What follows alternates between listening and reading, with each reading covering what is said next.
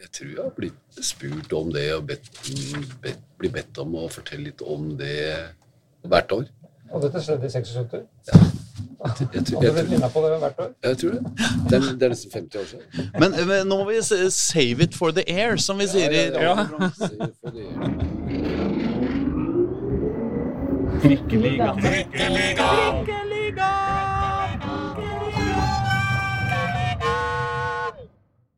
Mine damer og herrer og andre, velkommen til Trikkeligaen sesong 4, episode 17, tror jeg vi har kommet til nå. Jeg heter Aslak Borgersrud, sammen med her har jeg Håkon Thon, Hei, hei. Jørn Skjerpe og Reidar Solli. Ja visst. Men før vi skal snakke om runden, eller noen skal snakke om eh, fotballrunden, så har vi en eh, gjest i dag som vi skal eh, få, på, få på plass. Det er altså en Vålerenga-legende.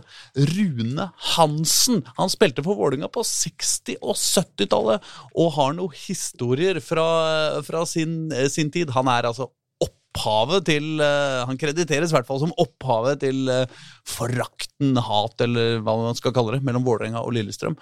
Og eh, ja, han har mye historie, både, både fra, både fra Vålerenga og fra Lillestrøm. For å si det friskt, syns du ikke det, Reidar? Absolutt. Ja. Her var det mye krydder. Så, så hør på det, og hvis du er fullstendig uinteressert i det, så kan du skippe et stykke, og så kommer liksom rundepraten etter at eh, Rune har, eh, har, har stikket ut døra. Og da må vi utdype. Er, hvor stor er krisen i målinga? Ikke sant? Hvor, hvor, ja, på herresida, da. På damesida, Ja, ja, ja. der er alt jubel. Så jeg, jeg snakker bare om uh, Vålerenga damer, jeg nå. Så der også så ligger det sånn, Hvis du slår det sammen, så er Vålinga igjen helt på det jevne. Helt. Ja, ja. Men eh, hør på Rune, og uh, heng med videre, så får dere alt om runden også. Ei, ei.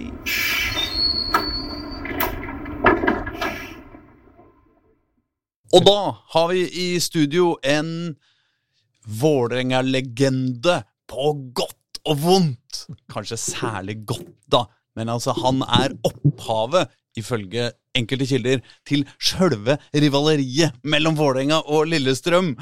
Og i dag er han rett og slett styreleder i Vålerenga fotball. Bredde! Rune Hansen. Velkommen hit. Jo, tusen takk.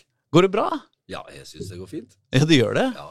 Eh, Er det greit uh, at, jeg, at jeg kaller deg eh, At jeg sier på godt og vondt, eller er det bare godt, tenker du? Nei, det er jo alltid vondt hvis man kjenner etter. ja, det er jo det. Ja, Sånn skal det være i fotballen. skal det ja, ikke det? skal det være det. Ja, ja. Du har smakt på begge deler, du. Ja, har det. Har egentlig det. Du har i hvert fall en ganske sentral posisjon i, eh, i Vålerengas eh, Hva skal man si etymol... Nei, ikke etymol... eh, Altså liksom ja, Vålerengas religionshistorie. Ja, det, de er nok riktig. Hvis, de, er, hvis Lillestrøm Vålinga er en del av den historien, så er, det- er det nok det. Ja, men det er bra. Det nok det. Du, vi skal komme tilbake til eh, alt, eh, alt dette, dette gamle greiene fra ditt aktive fotballiv. Men nå er du en eh, Nå er du styreleder Mm. og, eh, i Vålinga fotball bredde. Som da er det som heter Vålerenga fotball, egentlig? Eller? Ja, vi, vi sier ikke bredde lenger, for jeg, jeg er ikke sikker på om disse profesjonelle kvinnespillerne ville synes det var så greit å bli kalt for breddeklubb. Nei, det er det. De er jo Norges beste damelag, ja. så de er profesjonelle alle sammen. Går på jobb hver dag, som deg og meg. Og så Vi kaller det Vålerenga fotball, og så er det Mm. Vålerenga fotball herre elite. Det er de to fotballavdelingene i Vålerenga fotball. Ja, ok, Men så Vålerenga fotball inneholder Vålerenga dame elite superprofesjonell Ja. og Vålerenga bredde? Ja. Uh, Vålerenga barn og ungdom. Å ja. ja. Men bare ikke de ungdommene som er Eller profesjonelle. Aldersbestemte lag. Hvor mange spillere snakker vi om da, sånn cirka? 1400, tenker jeg. Vi er Ja. over 4000 medlemmer nå i Vålerenga fotball. Og så er det 1400 aktive medlemmer. Ja. Og det er ca. 120 lag. Ja. Og eh, det som er litt interessant i den sammenhengen, er at det er fra 120 ca. fra andre nasjonaliteter, altså annen etnisk bakgrunn enn norsk. Hvor mange sa du? Er over 120. Over 120? Ja. Ja, men av, 4, Nei, av 1200? Nei, hva var det du sa? Nei, det er eh, 120 lag. Ja.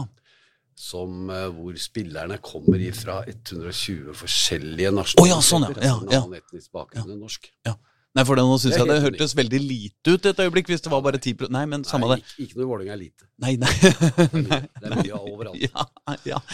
ja, men det Det er er, bra. det er landets mest internasjonale klubb. Det, er det, vi, Det kan kan. vi godt si. Altså. det tror jeg vel ja, det trygt skal tror fastslå. Nå kan ikke jeg dokumentere det, men Nei. eh, det ville forundre meg om noe var større på Ja. det feltet. Og du får eh, e-post og SMS-er fra eh, 120 lag og ledere og trenere og mas om diverse ting. Ja, I hvert fall i begynnelsen, når du er eh, påtroppende. Ja. Da er det mange som gjerne vil prøve seg. Eh, Men så må du selvfølgelig gjøre noe med det. Ja. For det går jo ikke. Er det sånn da at jeg burde ringt deg og sagt du, han er tolvåringen min eh, skukka, er det ikke på tide å løfte han opp til G14-laget? Da burde du ha ringt- du til meg. Ja. Ja, ja, Jeg hadde løfta han opp med en gang. ja, ja, ja, Jeg så at han kunne ikke bli god. ja, ja, ikke sant? Bare synd han ikke var dame, da, for det er det mitt ansvar. Ja, ja, ja, ja, ja, ja. Men har sendt den bort i gangen til han eh, Fagemo. Ja, det kan være det er litt tidlig, altså, men ha sveisen til det. Det er det viktigste. Ja, da, ja. Eh, Men hva gjør, eh, hva gjør en styreleder i Vålerenga fotball, egentlig? En styreleder i Vålerenga fotball har, eh, må ha flere fokus. Mm. Fordi eh, som sagt så er vi jo en eh, profesjonell avdeling mm. av damer som, som har målsetting om å bli Norges beste. Eller overta hegemoni i norsk kvinnefotball. Og det gjør vi snart. Um, og så er det denne store avdelingen med barn og ungdom. Og det tredje er eh, den utbyggingen som skjer i vårt nærområde, som eh, defineres under eh, begrepet Hovindbyen. Over 40 000 boligenheter skal bygges i løpet av neste ti årene. Du, Kan jeg bare avbryte? Kan du bare dytte den mikrofonen bare bitte litt nærmere? Sånn, vet du. Nå er vi tryggere. Så det er 40 000 boligenheter eh, som holdt på lenge, men som kommer til å pågå sikkert i ti år til. Og det er en stor bekymring for oss, eller utfordring i hvert fall. Ja. Fordi eh, i de byggeplanene som foreligger, så er det ikke en eneste centimeter med sosial infrastruktur. Og det vil si at de barna som eh, kommer ut av de leilighetene og søker etter en eller annen aktivitet, og det er sannsynligvis eh, Flesteparten av dem kommer til å banke på døra hos oss, tenker jeg. De får ikke tilbud. Oh, ja. For det er ikke plass til de. Mm. Og så vi har gått i Vi er i, i det prosjektet vi kaller for Hovindbyen, så har vi også invitert med oss alle naboklubbene. eh, Som Oppsal, som Hasle Løren, som Årvoll eh, osv. eh, Til en sånn felles eh, front da, mot eh, politikerne, både kommunale og nasjonale Mm. med den, eh, med den utfordringen som ligger i det som jeg nettopp sa. Og det er ganske alvorlig. Eh, Så det bekymrer oss, samtidig som det er en veldig stor utfordring som vi har lyst til å gjøre noe med. Men vi går sammen med disse naboklubbene for nettopp å være en, en kraft da, eh, mot politiske mandatet Ja. i Oslo kommune. For dere vil ha flere fotballbaner? Ja, vi vil ha flere fotballbaner, og vi vil ha i hvert fall Vi må ha mer areal og kunne eh, tilby eh, disse barna en aktivitet. Ja, og det gjelder alle, alle typer flater, fra ballbinger til Ja, altså, nå må de begynne, men det finnes jo ikke. altså Hvis de skal, eh, hvis de skal fortsette å eh, prosjektere den planen som foreligger, så er det ikke noe Det er ikke en gressplen der, altså. Nei. Det er, kun, det er bare private utbyggere også, så de tenker vel ikke så veldig mye på å tilby noen noen grønne Nei. plener. Og da eh, må man kanskje se på muligheten for å bygge fotballbaner oppover, og ikke bortover. Ja, Det oppover. Det vil si Vertikale fotballbaner som du må spille oppover eh, Ok. Nei. Eller du mener på taka? Ja, jeg mener bygge eh, arenaer hvor du har kanskje tre fotballbaner oppå hverandre. Nei. Ja, de må gjøre Tuller det. Nei, jeg tuller ikke. Jeg mener det. Oh, ja. Er dette unikt i Det, er- det, er, det er Hansens idé, da. Ja, Har du sett det noe sted i Hansen verden? har mye rare ideer. Har du sett det noe sted i verden? Nei. Nei? Men uh, noe må man jo gjøre. Det var jo snakk om det da Vålerenga skulle bygge ny stadion. Var det noen som ville ha den oppå Oslo S? Eller var det under? Nei, vi var, vi, vi, jeg var med på den. Ja.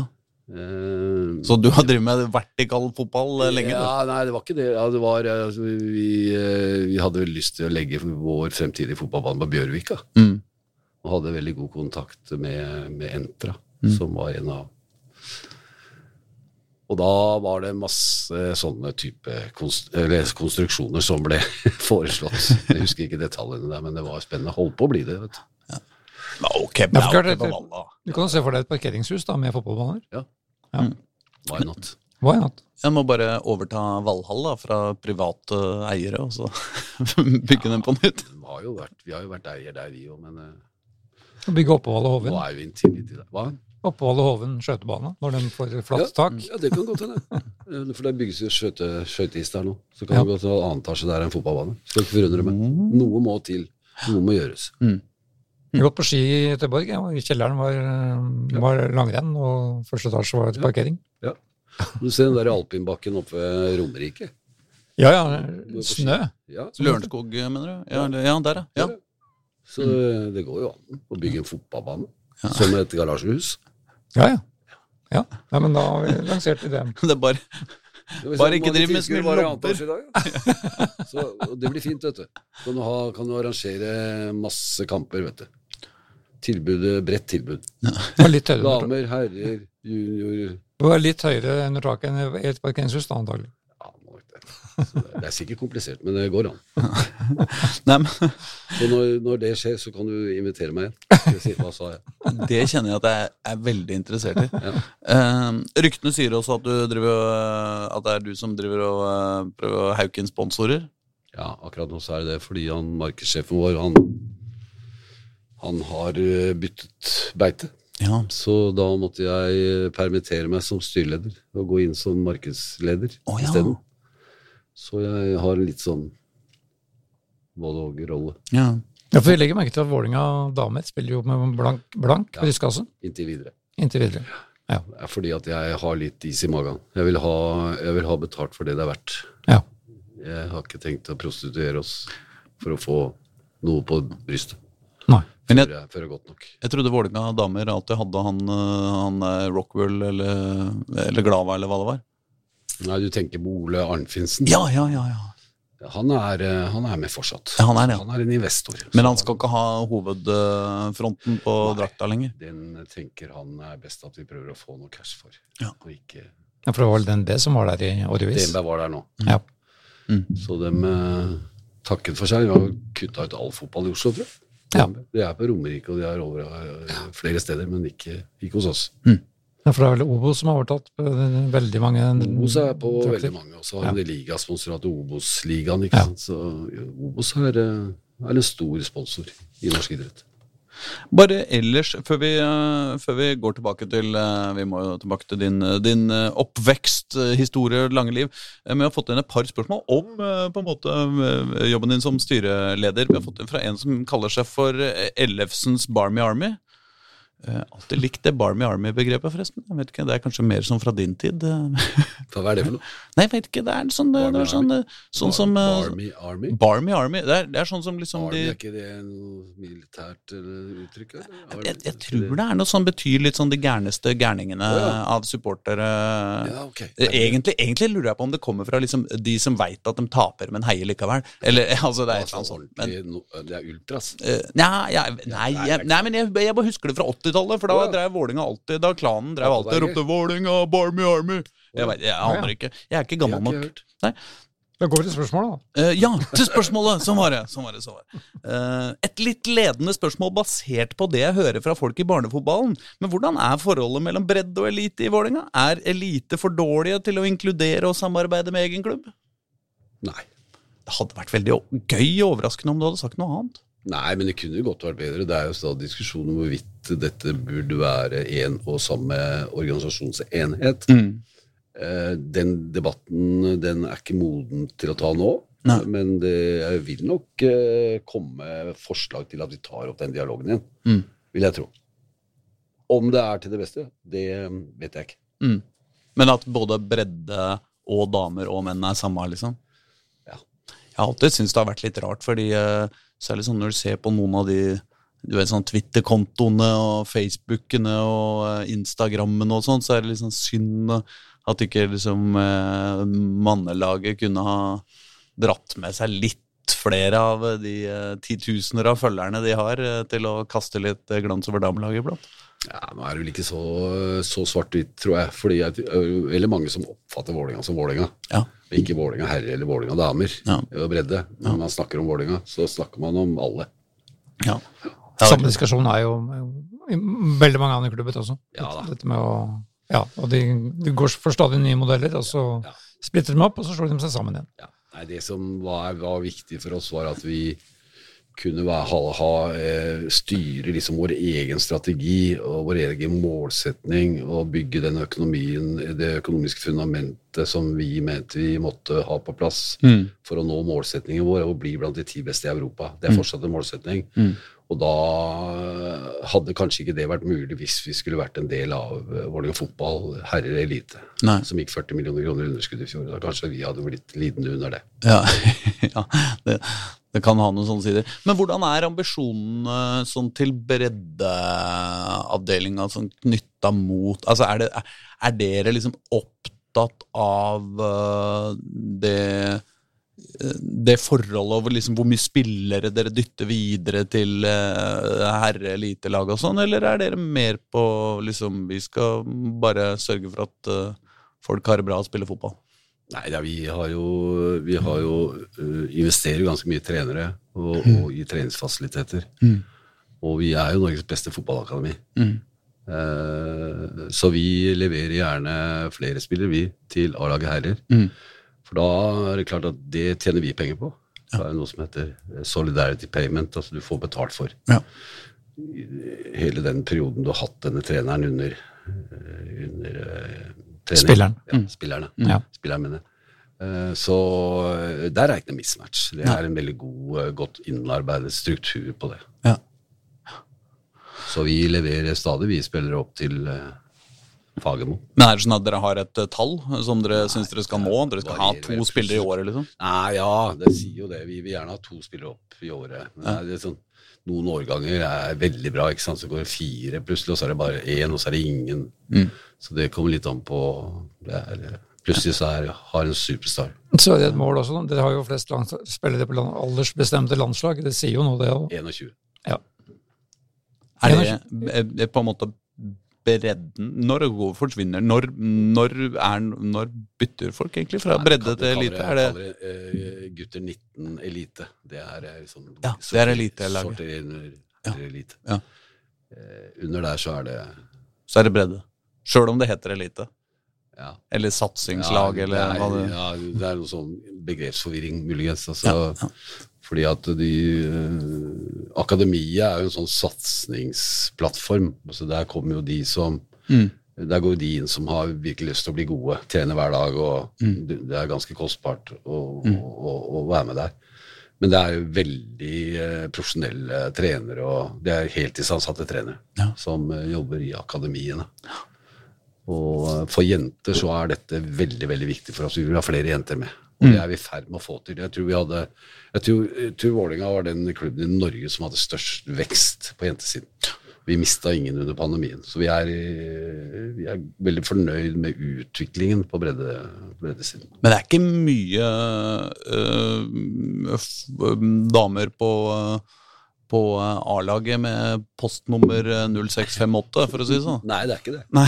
Og det er klart at det er en Det er ikke bekymring, men det er et tankekors. kors. Mm. Og det har vi lyst til å gjøre noe med, fordi det er ikke bare det at det liksom, Vi vil gjerne ha local ladies, altså, men det har noe med økonomi og sånn å gjøre, og for det er kostbart å hente damespillere òg nå. Altså. Det er ikke, det er ikke gratis lenger, det. Men du sa at G, G19 kosta mye.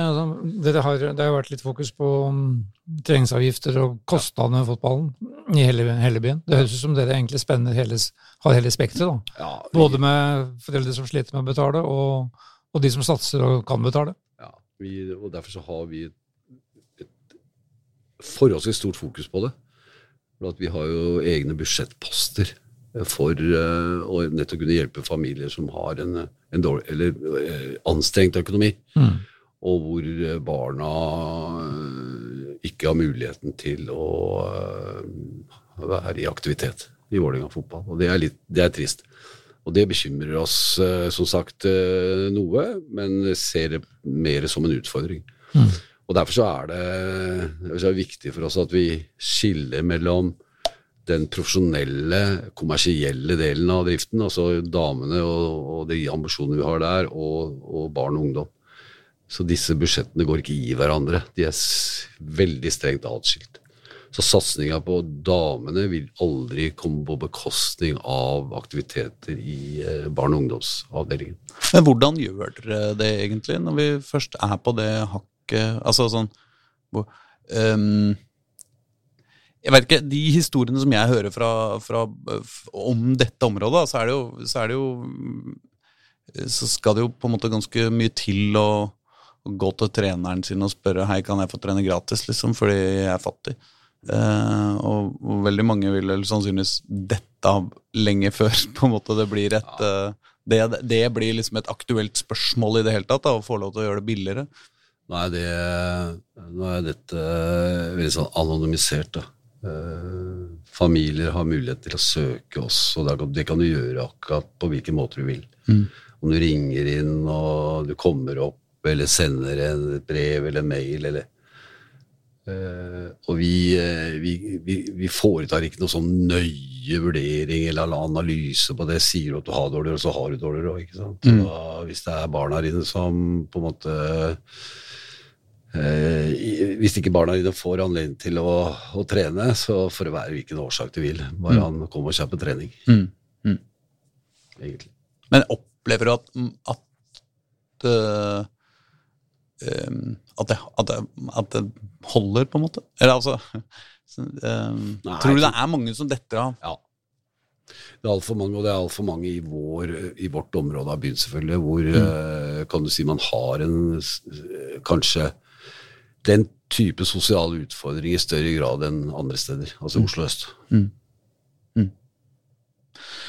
Det er i hvert fall viktig at den får noen flater mellom blokkene sine, som den kan løpe ut Ja. og spille litt på. Ja, ikke sant? Og det er klart at øh, hvis de i tillegg til å ha liksom vanskelig ansiktøkonomi må reise til øh, utenfor byen Mm. for å få spilt litt ball, så er det enda mer tragisk. Mm. For det kan ikke vi hjelpe til med. Dette vet vel den gamle VIF-studieleder Raymond Johansen mye om, gjør han ikke det? Jo, han vet alt om dette. Jeg skulle tro det.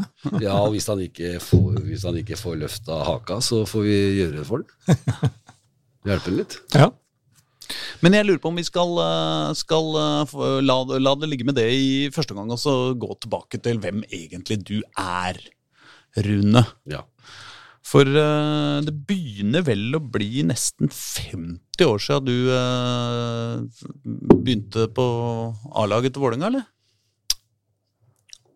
Ja, det er mer enn 50 år siden, vet du. Jeg debuterte for A-lag til Vålerenga i 68, Ja, ja, stemmer det. det. Jeg tenkte 78, ja. Nei, det er 68, ja. Ja, Det er godt over 50 år siden, det. sammen med, ja, sammen med legendene, eller bohemene. Ja, hvordan, Men det kom du da fra Vålerenga? Nei, da kom jeg fra Rosenhoff, en liten lokalklubb Ja. eh, der jeg bodde. Jeg, bo, jeg var oppvokst i Kristian gate. Mm.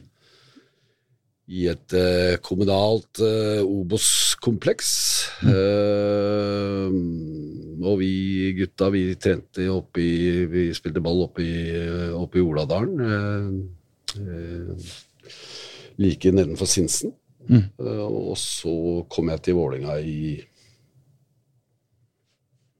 Jeg var 17 år når jeg eh, kom til Vålerenga.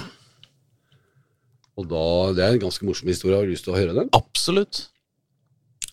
Fordi det var en, eh, det var en sen ettermiddag.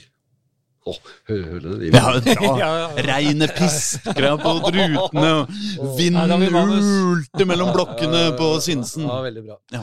Eh, Så ringte det på døra. Mm. Og motoren lukket opp og kjente ikke mannen som sto utafor der. Og så, så han som sto der, han ville gjerne snakke med meg, da. Hvor gammel er du nå?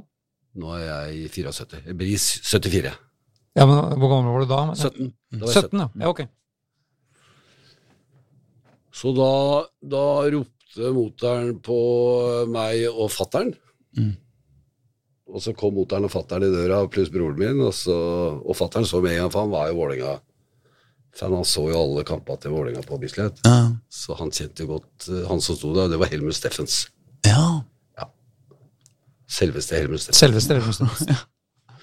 Som sa at han gjerne ville Han, han ville gjerne at uh, Rune skulle komme til Vålerenga. Og dem sto som spørsmålstegn alle sammen bak der, for de visste jo ikke at jeg hadde liksom dratt det så langt. da. Nei. Og fatter'n har titta på meg flere ganger og lurt på hva faen dette var for noe. Men da ble det iallfall, for å gjøre den historien litt eh, kortere, for han kom jo inn og fikk en kopp kaffe, og vi hadde det hyggelig, da, men, eh, men for at jeg skulle signere den så, Eller jeg kunne ikke signere en proffkontrakt. For du ikke var voksen? Ja, måtte være 18 år. Så eh, mutter'n og jeg ble invitert av Helmus, Helmut på Grand Café Ok. I. Karl Johans gate. Ja. Det var ikke daglig den gang. Nei, er du gæren. Eh, og mutter'n hadde på seg fineste hatten og greier, og vi toga inn på Grand Café, og der møtte vi da Helmut, og vi fikk da karbonadesmørbrød, og så ei bløtkake. og så ble det signert, da, Svanhild Euskjeni Hansen, på vegne av Rune Hansen. Og da var jeg Vålerenga-spiller. Da var du Ja, Vålerenga-spiller. og da debuterte jeg på høsten, da. Samme høsten. Høy. Mot Viking i Stavanger. Høyrebekk. Nei, da spilte jeg på midtbanen sammen med Leif Eriksen. Å ja. Så det var eh, Og da, første kampen jeg spilte da, det var eh, Da var stinn brakke på Stavanger stadion. Da sa Leif til meg ikke vær så nervøs, hun, dette går bra. For det hadde bare, bare få tak i ballen og så leverer hun til meg, så går dette fint. Og det måtte jeg gjøre, da. Sto i Aftenposten dagen etter. Så står det eh, Rune Hansen debuterte på Vålerenga på midtbanen sammen med Leif Eriksen. Rune Hansen løp sikkert to maraton den kvelden eller den ettermiddagen. ja. jeg, bare, jeg bare kjenner at Det er jeg er litt. Absolutt. Men jeg kjenner jeg er litt nysgjerrig på den der kontrakta. Det, gikk, det går mye rykter om hvordan kontraktene var i den tida. Hvor mye, hvor stor del av kontrakta sto på papir, og hvor store del var utafor? det. Det, er jo synd at jeg ikke har det dokumentet, vet du. Ja. For det er et klenodium, ikke sant. Ja. Kunne vært eh, på Vålerenga-museet, helt sikkert. Ja. Men vi må nevne at Hel- Steffens var jo den store personligheten ja. rundt Vålerenga som drev laget på hele 60-tallet. Ja, absolutt. Det var han som skapte bohemene. Ja. Mm. Så, og jeg hadde jo Siden vi er inne på bohemene, jeg, hadde jo, jeg var jo markedsdirektør i Vålerenga i ti år. Mm. På 2000-tallet. Så inviterte jeg Bruno og hengeren til eh, på VIP-tribunen, eller på VIP-restauranten. Mm. Vi skulle spille mot Rosenborg, og var stinn brakke. Og Bruno hadde ikke vært på Vålerenga-kamp på ti år. Og var jo en av de store, virkelig store. Mm.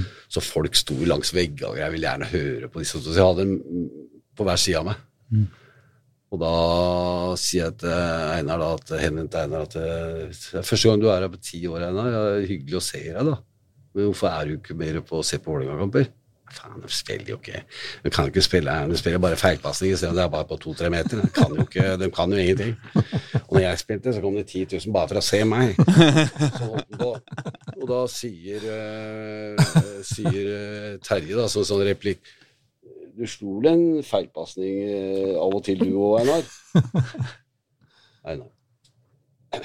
Når da? Den er bra. Så da var det ikke noe vits Ja. altså, pirke noe mer i selvtilliten hans.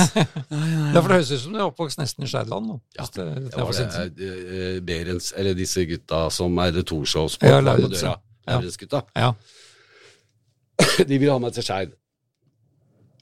Eh, men da hadde jeg lyst til å bare fortsette i, i Rosenhoff. Jeg debuterte på A-laget til Rosenhoff som 15-åring. Da hadde det fint der, alle vennene mine var der, og alle som jeg lekte sammen med i gata. Og så Mm. Hadde ikke noe behov for å gjøre det, men når Helmut, Helmut sto der, Ja. og da fikk jeg beskjed av fatter'n det er bare å dra og signere her. Det er ikke noe lure på det. Da.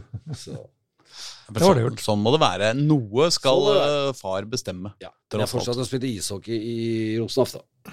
Ja, ok. Ja. Men var det sånn eh, på den tida at, eh, at du fikk noe særlig lønn, for eksempel? Nei. Nei. Fikk litt bløtkake? Den gangen var det hobby, vet du. Mhm. Ja, den gangen var det hobby, se. Ja. Vi trente jo hver dag. ja.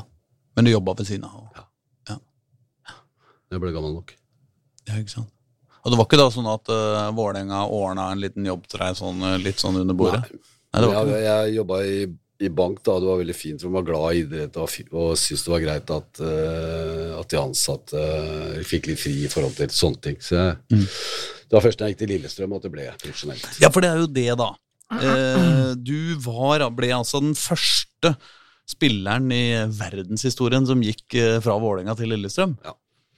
Skal vi sette, sette situasjonen litt her? Dette, dette er jo nå veldig aktuelt i forbindelse med at mandag, førstkommende mandag, 1. mai til og med, så møtes disse lagene igjen. Ja.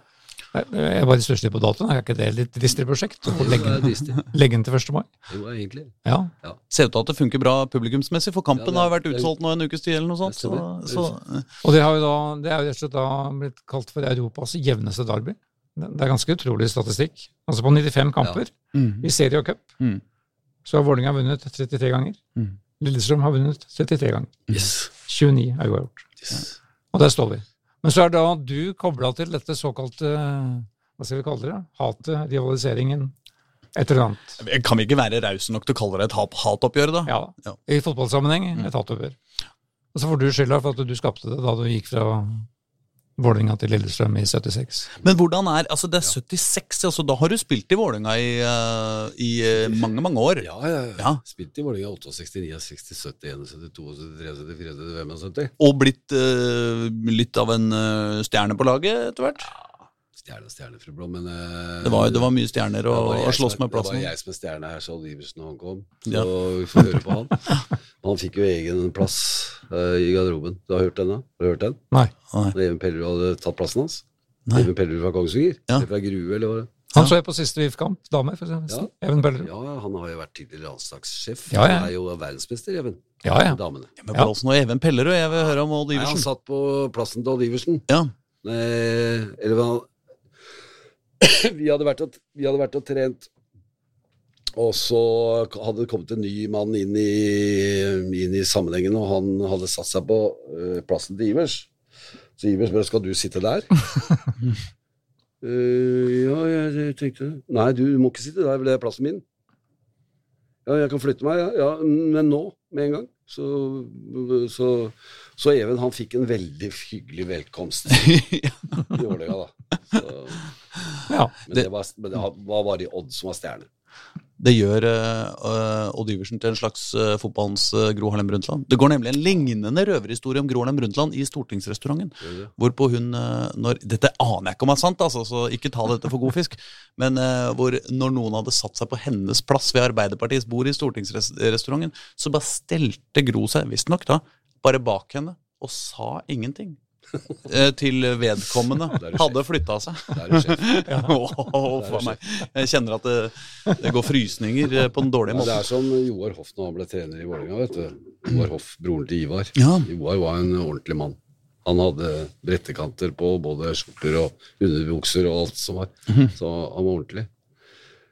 Og så Ivers var jo ikke så ordentlig. Han trente jo ikke hvis det ikke var sol og godt vær. Ikke i snø, ikke når det regna. Da hadde han bedre av å sitte inne, som han sa. Så jeg jeg kommer til å bli bedre form av det enn å bli forkjøla. Lurer på hvor sønnen hans fikk det fra. Ja, akkurat. Nettopp det. Og da gikk det så langt at uh, på en trening så, til, så sier Joar nå må vi samle seg. Så samles vi rundt Joar, og så sier han at uh, nå har det kommet til et stadie, Iversen, hvor eh, jeg må nesten si det så tydelig som jeg gjør nå, at nå nå blir det enten deg eller meg. Nå titta holdt på og smilte litt og la huet på skakka og sa Hvem tror du du blir da?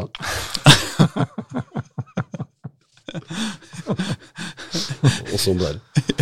Joel hadde den derre Han snakka så fantastisk pent Ja, og så korrekt, Veldig. som var sånn helt utypisk uh, fotballtrener. da. Absolutt. Det var ordentlig. Men tilbake til uh, Ja. din overgang. Det, Det var dit vi skulle. Ja. Jo, men eh, ja, ja, for jeg bare prøvde å sette scenen litt med sånn din uh, posisjon i Vålerenga, ja, da, Ja. fordi dette er før min tid, altså jeg må innrømme Ja. det, så jeg husker ikke dette så godt. Nei, da, da var det jo Som sagt, jeg fikk jo anledning til å spille en, eh, en halv sesong da med disse bohemene. Og det var jo kult. Med Terje og Bruno og Leif Eriksen og Bonden og eh, Og da var det jo Da ga jo de seg. Laget rykka jo ned i 68. Ja. Gikk ned. Og da var det jo en helt ny generasjon av bare unge gutter som spilte på A-lag. Så vi var eh, faktisk helt nede i tredje divisjon. Men vi var eh, Da var vi var så, så sam, såpass sammensveisa gjeng at vi blei i klubben alle sammen. Og vi, så vi stilte oss opp igjen. Og uh, tok vel uh, bronse i 74, tror jeg. Og så uh, spilte jeg da en sesong til etter det, i 75, og så ble det Lillestrøm. Ja, for det rykka ned i 75, Ja. Ja, og så kom Lillestrøm opp samtidig, med ja stemmer. veldig fokus rundt Tom Lund og, Ja, og det styret som var der. Og da ble du kontakta av, av hvem? Da ble jeg kontakta av den Vi de kaller det for mafialedelsen, eh, med Iver Pelfolk og Svein Skoglund og Ivar Hoff og den gjengen der. Fantastiske gutter. Ja. Og de hadde Hvorfor kaller de, de, kalles de for mafiagjengen? Nei, de, vet du, vi- de, vi, vi fikk jo sånne eh, beige dresser, vet du. Med, oh, ja. ja. og, vi, og med, vi så jo som Jehovas vitner hele gjengen. Men eh, det var litt sånn stil, da. Så, eh, så vi skulle være ordentlige. Det var, den var også avbilda, lot seg avbilde i VG, tror jeg, med, Ja med sigarer og hvite dresser og ja, Rolls-Royce. Ja, ja. Det var jo, De ville markedsføre seg som en Ja, ja, men det gjorde de også. Det var, så vi spilte jo, det var jo utsolgt uh, hele tida på Åråsen. Ja. Vi spilte, mot, vi spilte mot Leeds 17. mai 77. Og eh, folk sto utafor stadion uh, for å høre liksom, stemningen. Det var ikke mulig å få ikke en centimeter ledig der inne. Men overgangen, dem kom til deg med penger, da? Sa liksom hei, du. Nei, det Skal var du spille for nei, det var småpenger, ikke det som- Ja, det var jo altså De dekket jo øh, Så vi fikk jo dekket øh, Ble kompensert for lønnstap, da. For at vi Ja, jo på dagtid. Ja.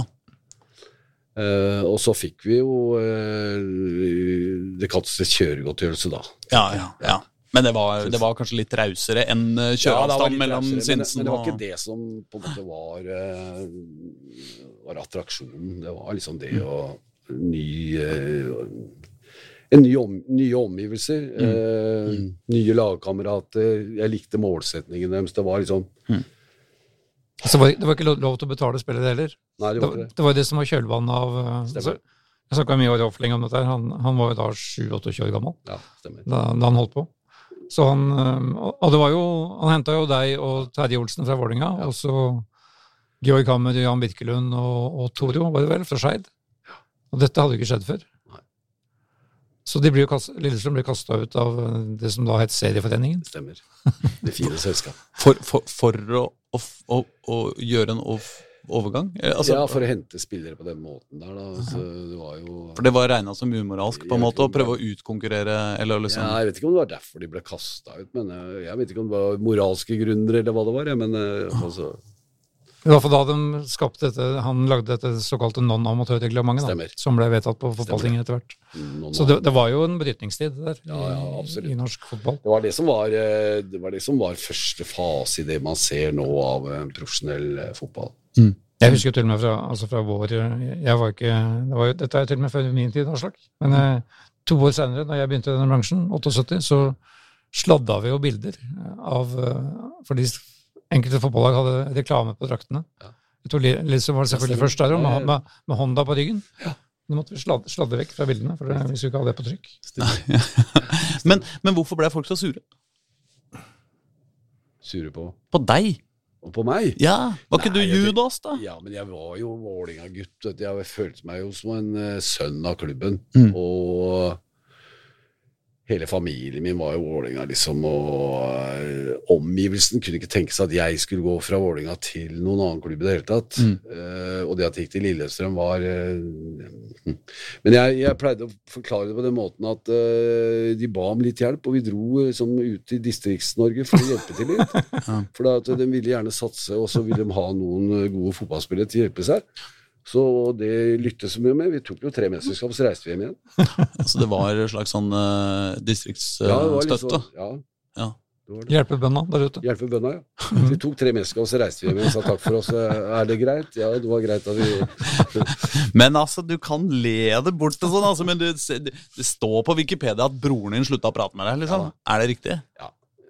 En kort periode. Ja. Ja, var litt overdrevet, det der, men uh, Jo, men likevel, det må, det, det må ha vært ekte. det her. Du må ha tenkt på et tidspunkt Hva i huleste har jeg gjort nå? Ja, ja, jeg gjorde det. Ja. ja, ja, ja.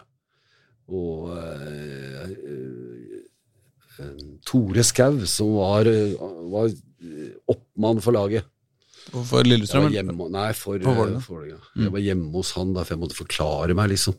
Åssen har du greid å ta denne beslutningen? Jeg vil gjerne vite det, liksom. Mm. Og det var ikke sånn vennlig tone, det, altså.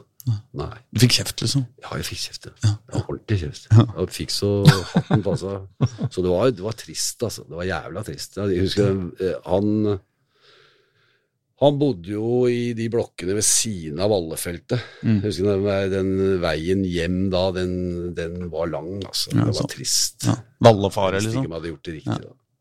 Hadde Terje Olsen det på samme måte, eller? Nei, jeg tror ikke det. Nei. Tror ikke Terje var så Han var ikke så emosjonell, han. Nei, ok. Han var ikke så Vålerenga som du var? Jo da. Faren hans var jo, eh, var jo eh, var med i Vålerenga i mange, mange tiår, egentlig. Mm. Som oppmann og lagleder og det ene og det andre. Så Terje var ordentlig Vålerenga-gutt. Spilte jo alle aldersbestemte, eh, iallfall gutt og junior i Vålerenga. Men så i første, første sesongen din der, da, det var i 76, vel? Da vant dere seriegull. Ja. Men da var jo da var Vålinga i divisjonen under, så dere møttes ikke. Ja, Nei, vi møttes ikke. Men så møttes dere da i serieåpninga i 77, Ja. på Bislett. Ja. Mm. Og da har jeg skjønt at Odd Iver, det starta med at Odd Iversen skåra et mål som, som ble annullert. Ja, det kan være riktig. Ja. Men Lillestrøm vant i hvert fall 4-0. 4-0, ja. Å ja, det Og det var også er liksom verdt altså, med å forsterke historien her, da. Om, Ja da. om, Eh, Du kommer tilbake til Vålerenga og liksom kverker, Ja. eh, kverker det. ja. Det ikke greit. Ikke bare det, vet du. for Jeg husker at eh, jeg spilte jo første omgangen mot klanen. Altså mot Stor, Store Stå. Ja. Og den var jo den var helt full. Så jeg fikk jeg, Den pepra meg Mm. med skjellsord Mm. i to ganger, eller iallfall i 45 minutter. For på den andre, på den andre siden så var det ikke så mye. Ja, For 77-kampen spilte du for Lillestrøm. Ja, det stemmer. Ja. Ikke sant? Og da husker jeg at jeg Jeg vet ikke hvem det var, men jeg, jeg sto i hvert fall tunnel. Først den ene veien, så slo jeg tunnelen tilbake igjen, og det skulle jeg ikke gjort ustraffa, vet du. Ikke sant? Og sånn gjør du liksom ikke. Du kommer da til å være iallfall ydmyk og si unnskyld. Ikke slå tunneler fram og tilbake på folk her. Så fy faen, jeg trodde du skulle ramle ned tribunene. Helt Texas, altså. Og jeg, og jeg gjorde sånn. Altså, nå, for, for, for lytterne her strekker vi to hender i været og ber om unnskyldning på en måte, Ja, ja, eller? Jeg ber om unnskyldning nå, da. Ja. Men Ja. jeg, Å ja, sånn, ja. ja du ber om, men du gjorde det ikke da? Nei, Nei. jeg burde ha gjort det. Ja. ja. Det minner jo om uh, historien med Mamadou Diallo. eh, da han eh, Bortsett fra han gjorde motsatt. Han kommer fra Lillestrøm til Vålerenga, og så skåra han, og så løp han til Lillestrøm-supporteren og jubla etterpå fordi han tenkte at de fortsatt var glad i ham. Ja, det gjorde ikke jeg. Altså. Nei, nei, nei, det var kanskje like Men jeg tenker også, sånn, er er det ikke bra at, at, dette her ble, at du skal, var med å skape dette her? Altså, Jo, jeg, jeg syns det er at det er fint. en Og jeg kaller ikke hat, det er en sunn rivalisering, da. For Ja. at det, det skaper Det er et av de derbyene som uh, har gjort at, eh, at folk uh, syns det er gøy med fotball. Mm. Eh, det er litt spesiell nerve i de kampene. Nå er det utsolgt, som sagt. Mm. Det pleier jo ikke å være så langt unna i noen av de kampene. Og det er fyr på tribunene, og det er liksom eh, Mm. Alle snakker om det. Både på lunsjen i forkant og etterkant. og Mm. Og så er det jo neste gang, ikke sant? Du har den også, vet du. ja, ja, ja. Så Men klart, man føler jo litt på det. Spilte du flere oppgjør eh, mellom Vålerenga og Lillestrøm, eller var det bare med det ene? Nei. Nei, nei, det blei flere, vet du. Det var jo det var noen privatkamper og noe sånt, men det var ikke så jævla mange, da. Nei. Det var jo to Det var to, år, 70 to i Ja, det var 77, jo da. 77-78 Nei, det var Ja, eh, jeg spilte jo mot uh, I 77 var jo Vålinga med igjen, ikke sant, i eliten. Og så mm. 78 da, og 79. Ja. For da spilte jeg jo i Vålinga igjen, i 78-79. Ja, ikke sant. Men var det, var det, men, men var, var det like ille hele tida mens du var i Lillestrøm? Liksom fra Vålerenga-supportere? Ja, det var det. Jeg kunne ikke gå i Vålinga-miljøene. Nei. Nei, det var ikke noe hyggelig. Men var det sånn at Jeg du da jeg hører jo, jeg hører jo i dag òg. Ja, du hører fortsatt, ja? Ja, ja. Kommer en liten sånn Judas! ja, ja. Nei, ikke, du kan ikke si noe om det, liksom. Nei. Du er Nei. Ja. Så du har egentlig hørt om årlig, du, siden uh, Ja, jeg har det. Når det begynner å nærme seg disse kampene her og Ja, ja. sånn, så nå, nå våkner de igjen. Ja. Du må ikke si noe om det. Nei, ikke sant? Men var det da sånn at Altså, bodde du fortsatt på nei, da bodde jeg på Lammerseter. Ja, ikke Så sant? hadde jo Så det var litt tryggere Ja, land, eller? Ja, nei, det var bare Vålerenga, det. du. Altså, jeg, vi, som Reidar snakker om, så vi hadde jo avtale med Honda. Mm. Og med oh, ja, navn- med hadde du sånn lille strømbil? Gul, og svart, ja. med navnet på greier, vet du. Ja, ja. Oh, den altså, jeg tror de satt på sånne merker med som sto Rune Hansen, jeg tror de gjorde det Ja, det stemmer det. 17 ganger, altså. Det sto navn på Ja, det sto navn, ja. ja, ja. For det, for det de, den, Midt i gata på Lambertseter. den fikk litt juling, den bilen, eller? Ja, fy faen. Men var det, var det sånn hvis du kjørte T-banen, så fikk du Altså, var, var det litt ubehagelig sånn Ja, i det daglige, eller ubehagelig, ja. Gå på butikken og sånn, så får du Lever unga i barnehagen og sånn, ikke sånn, Og det er der, ja. Mm. Må, Det er litt deilig, altså. Ja, sånn i ettertid. Det var sikkert Ettertid, det var ikke gøy, da. Nei, nei, nei. Vi må nevne da seriefinalen i 1978. Ja. Lillestrøm-Vålinga i siste serierunde. Mm. Og Lillestrøm kan bli seriemester igjen. Mm. Men da må de ja, i hvert fall ha minst uavgjort eller slå. Vålinga. Og Og så vinner, altså vinner Vålinga 3-1. ja, for da er du tilbake på riktig side. Ja. Og da vinner dere 3-1. Og da er Start blir mestere. da blir Start mestere. Og da ble vi invitert til uh, fest i Kristiansand, og vi reiste ned. Jeg, jeg husker jeg kom, men jeg husker ikke jeg dro. Dere reiste til Kristiansand Ja, for å ta imot Vi sånn Vi ble, vi ble invitert av, av, start, eh, av Startspillet. Mm. Eller av Start, da. Og bodde på Kaldonien. Det var en, en helvetes fest. Unnskyld. Eh, og det var eh, jeg, Som jeg sier, jeg, jeg husker vi kom dit, men jeg husker ikke vi dro derfra. Så det var bevisløs. Men nå, nå vi bare, jeg bare vi, eh, Altså, du kom tilbake igjen. Hvordan, hva, hva skjedde da? Hvorfor Nei, gjorde du det? hyggelig. Det var hyggelig. Ja. Men hvorfor dro du tilbake? Var det var ferdig der oppe, liksom? Hadde alltid, alltid sagt Sa alltid at jeg skulle hjem igjen. Mm. Jeg var borte. Jeg skulle hjem. Du var på ferie, liksom? Nei, men var hjalp dem, hjalp dem å komme Hjelpeprosjektet var eh, over. ja, ja vi, vi, var der ute og rydda litt opp, da. Fikk dem på rett spor. Men ringte du, eller så gikk, eller hvordan var det, for å komme tilbake igjen? Eller var det dem som sa 'nå er det på tide'? Ja, jeg ble kontakta egentlig hele tida mens jeg var der oppe. Ja, ikke sant? Kommer du nå, eller? De ringte ukentlig også. Skal du vente? Hvor lenge skal du vente? Kommer du nå? Ja. Eh, Til, til høsten? Ja. Nei, jeg må nok Nei, ja, neste år, da. Ja, neste år kommer du vel. Og da var det liksom holdt på hele tida. Så Lillestrøm hadde, hadde du da en av de rareste trenerne i historien som har vært, vel, med Joe, Joe Hooley. Ja, Joe Hooley var vet du, the man, vet du. Ja, Han, han, han er jo var en god. Han var merkverdig fyr. han var flink. Altså. Men han hadde suksess i Norge og lå bare her. Og så Ja, ikke sant? påstår de at de har fått noe bussjåfør når han kom tilbake til England. Ja. Men Det er eh, merkelig, fordi han var flink, altså. Ja. Han hadde en spesiell evne til å få i hvert fall oss til å tro at vi kunne gå på vannet. Mm. Vi tapte jo, vi slapp til 11 mål i 77. Mm. Totalt. Ja. ja, det er ikke gærent. Det Og så mener jeg at Tom Lund var datidens Erling Braut Haaland. Eh, Skal man ta en litt drøy drøy Ja, sammenligning. det, Men han betydde i hvert fall relativt mye for laget. Kan si, altså Braut Haaland går ikke an å sammenligne noen med. At han er bare Han er Erling Braut Haaland. Men Tom Lund Jeg får ikke, får ikke sagt nok uh, superlativer uh, om Tom, altså. Så var han en, eh, også som Erling, en veldig flott personlighet. Veldig fin type.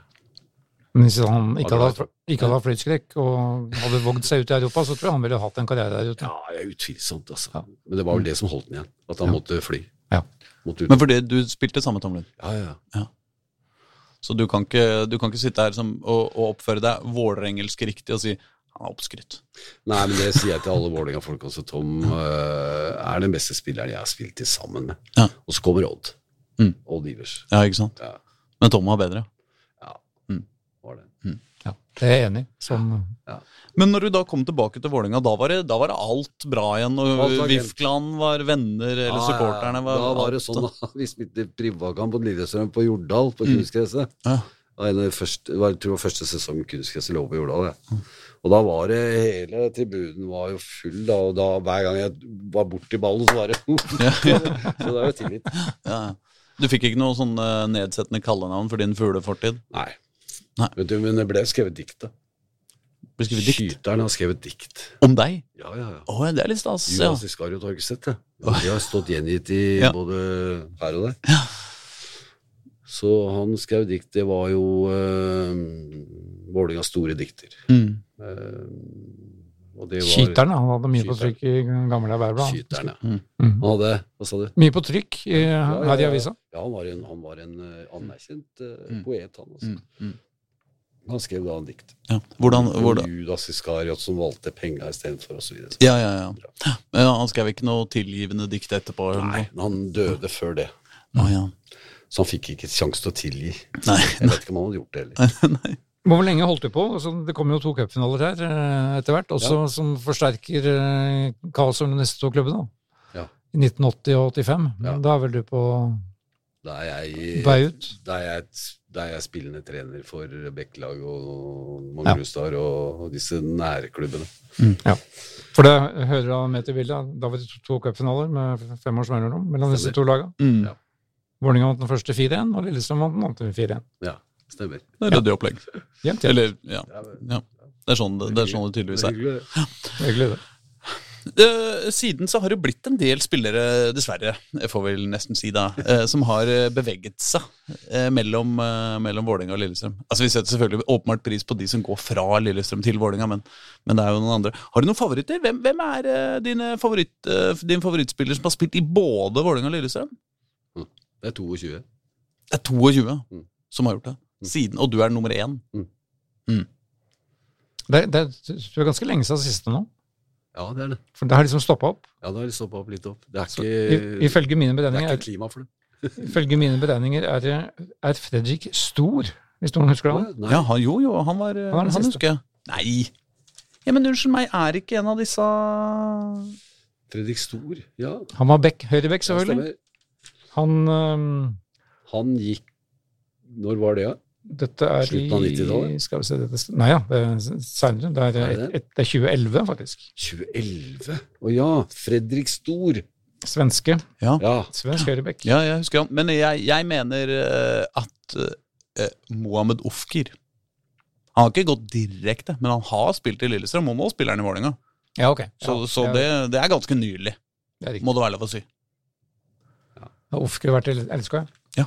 Ja, men jeg jeg, Ja, han har spilt noe særlig sånn topp... Da trekker jeg tilbake Han spilte, jo da, han spilte tre, 35 kamper og skåra tre mål der mellom 2015 og 2017. Ja, han, er for, han var for fersk, han var for meg. Ikke sant? Ja, Det teller ikke. Ja, for, for Svea satte opp en, eh, for noen år siden en, en Svea, vår gamle kollega ja, ja. eh, som jobba her en gang i tida. Mm. Ja. Førsteelveren eh, av spillere som både har vært i Vålerenga og Lillestrøm. Oh, ja. Fra start, fra keeper til Mm. spiss. ja. Da tar jeg den kjapt. Ja, Med mindre vi skal få en Rune-ekspertuttalelse først, da. Hvem er den beste? Nå putter jeg deg on the spot her. altså jeg Kanskje, innser kanskje jeg ville ha sagt Erik Karlsen. Ja, han, var sånn. han var som har spist ved siden av Tom Lund. Ja. Å ja. Gikk han Han har eh, norgesrekorden i hat trick. Å ja. For, Skåra tre mål på tolv minutter. ah. 77. Men gikk han fra Vålerenga til Lillestrøm, eller Lillestrøm til Fra Vålerenga? Lillestrøm til Vålerenga. Ja, ja, det er ryddig. Da, da støtter jeg det. Ja. Han ble, han ble med Terje og meg over. Ja, han hadde skjønt, han hadde Han hadde skjønt det. han, hvem han skulle være sammen med. Ja, ja, ja, ja, ja, ja, ja. Skjønt hva som er hyggeligst. Ja, så vi ga han noen fine år Ja. Ja, men bra. Ja, men kommer lista Elveren Ja. i mål, Tore Krokstad. Å ja, han har spilt det store Krokstad. Høydebekk Rune Hansen, selvfølgelig. Mm. Midtstoppere Henning Berg og Ronny Johnsen. Tilsvarende United-stopperne en gang i tida. Det Ryddig stoppepar. Selv om Ronny Johnsen selvfølgelig var best som spiss. Stig A. Gjellestad. Oi, når, var, når var det? Hvem? Gjellestad, var han i HamKam, han, eller? Ja, dette husker ikke jeg. Og så har han satt opp Erik Karlsen på midten, da, sammen med Lars Bohin og Vidar Davidsen. Det er ikke verst, det Det er ikke noe dårlig det er ikke noe dårlig. Og framme Terje Olsen, Mamadou Diallo og Eivind Arnevåg. Ja, fy faen, det var litt av et lag. Altså. Ja, ja. Ja, bra fotball. Vil hevde seg bra, de. Ja, er du gæren. Det hadde gjort. Nei, altså, det er klart at uh, når jeg sier Erik Karlsen, så husker at Bohinen og, Ja. og, og Ronny Johnsen er ikke noe dårlig 100 fotballspiller. landskamper og Ja. spilt, vinner Champions League og sånn. så- så- Men Erik var, han var liksom så giftig. Jeg synes han var Spilte aldri en dårlig kamp, Erik. Mm. Og så var det veldig lett å finne den på banen. Mm. Han var bevegelig, alltid spillbar. Mm. Så, var, eh, så var han en god kamerat. Og er bra, må være bra folk òg. Ja, det hjelper det. Det hjelper i hvert fall for dere, på en måte. For oss andre er jo ikke det så farlig. Nei, nei, ikke sant. Men jeg ser, ser på jentene mine også nå i Vålerenga. Altså, de, de er fine folk, altså. De er øh, veldig hyggelige jenter. Gode ambassadører for norsk idrett og norsk kvinnefotball, og ikke minst Vålerenga. De er øh, supporterne, supporterne og, og sponsorene er fryktelig glad i dem. Det er ikke noe jåleri. Ser ikke dem med Rolex-klokker, altså, og, og reklamerer for. Eller mafiaadresser. Ja, eller det. Så jeg, syns det er viktig at man er bra folk òg. Hvem av disse ville du hatt på dagens uh, herrelag? da? Ja. Er det han som trengs mest? Ja. Er det der eh, det er der, det- er der det skorter, Ja, liksom? Det, er ikke balanse i laget. Boine var en ekstremt uh, dyktig til å balansere laget. Mm. Både defensivt og offensivt. Mm. Han er en av de beste spillerne Norge har hatt. Ja. Ja, hvor bekymra er du for uh, dagens situasjon? Jeg, jeg, egentlig så er jeg litt mer lei meg, egentlig. Og så uh, gjennom en sånn litt sånn sorgprosess, da, så blir man uh, Blir jeg litt engstelig. Fordi jeg ser at eh, det laget har noen utfordringer som jeg, jeg tror ikke som jeg ser, vanskelig ut for dem å løse, altså, rett og slett. Hva tenker du på da? Nei, jeg, jeg syns det mangler liksom en, eh, en autoritet i laget. Det mangler liksom noe eh, identitet der. Eh, jeg- pleier å si at du må iallfall- du må iallfall greie å flytte det ene beinet foran det andre. Jeg syns ikke de jobber nok. Det er, det er liksom litt sånn det er liksom, Stefan er, skal vel være autoriteten, da? Stefan Sandberg? Og det hørte du jo. Ja, ja. Det hørte du hvor eh, autoritær han var. Ja, men det er kanskje for mye autoritet på benken, da, eller? Så blir det litt lite igjen til Det blir litt lite rom igjen til Om det er på spillerautoritet. banen eller garderoben på benken, så blir det shit same, altså. Ja. Det er ikke bra. Nei, men det vakte jo litt, litt Det ble lagt merke til da Dag Elie Fagermo ble ansatt. Det var jo Noe av det første han sa, det var at uh, Vålerenga skulle i hvert fall ikke trene mer på Lillestrøm. For det hadde de da gjort under, under Ronny Deila, trent i Elleskålen. Oh, ja. Men det var det jo slutt på umiddelbart da, da han kom. Og det, det var jo da Det slo jo an Ja. i klanen. Men uh, vi må vel si at noe har snudd siden det. Jeg tror for mye jeg tror, eh, jeg tror det er noen Jeg, jeg tror Fagermo kanskje har mista garderoben nå. Mm. Og det, eh, det er selvfølgelig veldig alvorlig. Da må du utdype litt. Det er mange som bruker uttrykket 'miste garderoben'. Hva, Du hva vil du si jeg kan fortelle en, eh, et eksempel. Ja. Når Guardiola gikk fra Barcelona Dere hørte den? Nei. Da hadde Barcelona inngått et samarbeid med en sånn styrke- eller sånn energidrikk. Mm. Leverandør eller produsent. Og da for, eh, Alt skulle liksom være mest mulig profesjonelt og ernæringsmessig riktig, det man spiste og drakk. Så da fikk de streng beskjed av Guardiola og ledelsen, støtteapparatet, om at nå var det dette styrkedrikken. Eller denne nei, skulle drikke, så ikke Coca-Cola eller Pepsi eller hva det var. for noe. Så kom Guardiola inn i garderoben noen dager etter, og så sitter Messi og drikker Coca-Cola. Og så gjør Guardiola sånn, og så kommer Messi, og så det er så mye igjen på den colaflasken. Stiller han seg så langt ifra Guardiola, så drikker han opp resten av colaen. Så går han og drikker, setter seg igjen. Ja. Da leverte Guardiola oppsigelsen i Barcelona. Dette var et uh, klassisk uh, et, et øyeblikk som du på en måte har fortalt om litt tidligere i, i, uh, i denne praten. Nå er det deg eller meg. Ja, hvem blir det da? Ja. Akkurat sånn. Da har du mista er det ikke kjangs. Har du hatt noen trenere som har mista garderobe? Nei, jeg tror ikke det. Nei. Ja, det er Joar, da, med den episoden med Odd. Da. Ja, ja. Ikke sant, for da Det er klart, Da ble vi litt skeptiske til hvorvidt han var i stand til å lede liksom, laget med en, med en autoritet som også kunne snakke til Odd Iversen. Det kunne han ikke da, ikke sant? for da var Odd Iversen tatt over. Mm. Samme var det her. Messi bestemte Ja. farten. Alle visste det. Men når det ble så offentlig da, som det ble, Mm. som det er i en garderobe Alt ble jo fortalt. ut. Men trenger du ikke også folk altså i en gruppe nå, Jeg har aldri spilt fotball på noe ordentlig nivå. Men trenger du ikke også i en gruppe som skal prestere og gjøre, levere bra resultater på et eller annet område, trenger du ikke da også forskjellige typer personligheter, også folk som kan utfordre, liksom? Jo. Det kan ikke være bra å ha en, en, en sjef som skal bestemme alt, og alle andre skal bøye nakken og si Nei. 'ja da, sjef, det går bra', det, med sånn Jo da, jeg er enig i det. Og, og det er klart det var derfor Stefan ble valgt som kaptein i Vålerenga også. Mm. At han nettopp hadde den egenskapen han turte å si ifra og stå opp for, for seg sjøl og laget. Mm. Men i denne situasjonen som oppsto nå, Mm. med Stefan, Mm. så setter han seg sjøl høyere enn laget, og det er ikke bra. Mm. For da peker han på de andre som ikke er gode nok, øh, og skylder på at øh, han hadde forventa noe annet når han kom. Ja. Så jeg syns det blir litt sånn, sånn, det blir sånn negativt. Ja. Det blir negativt som gjør at spillergruppa preges av det. Og da er det feil. Egentlig, vet du, så er det jo rart det derre kapteinssystemet. At, det er, at det er på en måte treneren som utpeker den fremste av spillerne. Mm.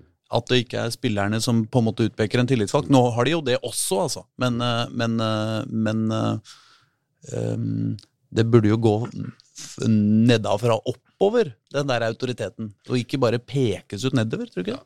Jo da, jeg er enig med deg i det. Men nå skal det også tilføyes at jeg er helt enig i at Stefan ble valgt som kaptein. Mm. Han har nettopp den derre autoriteten. Har nettopp den derre litt sånn sheriff-rollen Ja, og tør å si Ja, ja. ifra.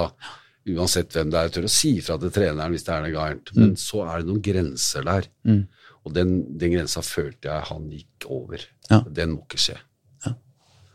For du, du oppfatta at han tråkka på da- da medspillerne? liksom? Ja, for da misbruker du den autoriteten Mm. som du har. Mm. Den naturlige autoriteten som han utstråler, Mm. den ble til en sånn noe annet. Men i en uh, klubb i krise, som jeg vet ikke om Vålerenga betrakter seg sjøl som en klubb i krise, men i hvert fall det begynner å, begynner å lukte litt ubehagelig, da, med ett poeng etter en masse kamper og Tre poeng. eh, Ja, unnskyld, tre poeng eh, etter eh, fire kamper? Mm. Tre? Ja. Ja, nå ble det vanskelig for meg her. Tre kamper er det. Tre. Ja. Ett poeng i snitt, da. Det er jo, eh, det er jo godt under sjuendeplassen, for å si det sånn. Så det er en pressa klubb. Uh, hvordan utvikler det seg da? Uh, er- det da forventa at det blir maktkamper og, eh, og, og den Ja, slags? altså, det I det laget så er det mye unggutter ikke sant, som Mm. uh, fra før av hadde nok litt prestasjonsangst. Mm. Og når eh, man liksom nå har blitt omtalt, Mm. at man er en del av et lag som ikke har den nødvendige modenheten og så videre sånn, Mm. så vegrer du deg litt for å slå den der gjennombruddspasningen på mer enn tre meter. Mm. Så det er klart at du begrenser potensialet i laget Mm. når det kommer sånne ting opp. Uh, det, det, er, det, det er skapt en slags sånn utrygghet i det laget. Mm. Og er det noe en, et, et, et, eh, et prestasjonslag trenger, så er det nettopp liksom, tillit og, og tro på at dette går. Mm. Jeg er ikke så sikker på om de har det nå. Altså. Nå, skal vi møte, skal vi møte Lillestrøm, Mm. som er i flytsonen, og som er store og sterke. Og som eh, ser ut som om meg som om eh, de har, bruker veldig mye energi på å vinne kampene sine. Så jeg- det, det prøver vanskelig. Men det er da Vålerenga skal steppe opp òg, da. Ja, og hvis de greier det, så har de snudd det, og da har de snudd det i en riktig kamp. Mm. Har du tro? Ja, jeg har alltid det. Men du, du, var, du var deppa for ti minutter siden? Ja, jeg var det, for jeg, jeg syns at uh, spesielt, uh, spesielt den kampen mot, uh, mot Sarpsborg, den Ja. syns jeg var uh, Jeg jeg skal kalle det engang. Altså, den, den er under uh, enhver forståelse av hvor dårlig det kan bli. Mm. Sarpsborg hjemme. Og apropos folk som har vært i begge klubber. Lillestrøms trenere. Geir Bakke og Petter Myhre. Ja. De veit jo du alt om. Ja, jeg vet mye om det. For jeg, jeg, må jo, jeg må jo da spole tilbake kort, apropos krise. Krisa har vel aldri vært større enn eh, november 2003. Da jeg gikk på tur som deg inn i Valhall, tror jeg, foran returkampen Ja. mot Sandefjord. Ja, Da var vel klubben både på konkurs og nedrykkets rand. stemmer. Snudde fort. Ja, Husk på da at eh, på overtid så hadde ikke vi jobb, altså vi som jobba i administrasjonen i Vålerenga da. Nei. For hadde Sandefjord vunnet den kampen, så hadde Vålerenga rykka ned. Og da var det varslet at da ble det masse permitteringer. Så hele administrasjonen satt jo oppe i kafeen. Og det var 3-3. Det var seks minutter igjen av kampen. Mm. Og vi vinner 5-3. Det var nesten så jeg Han Johan, han, eh, han advokaten, hva heter han? Johan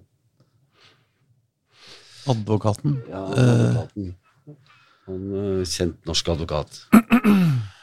Elden? Elden, ja. Ja. Han sto ved siden av meg og spiste pølse med brød med papir på.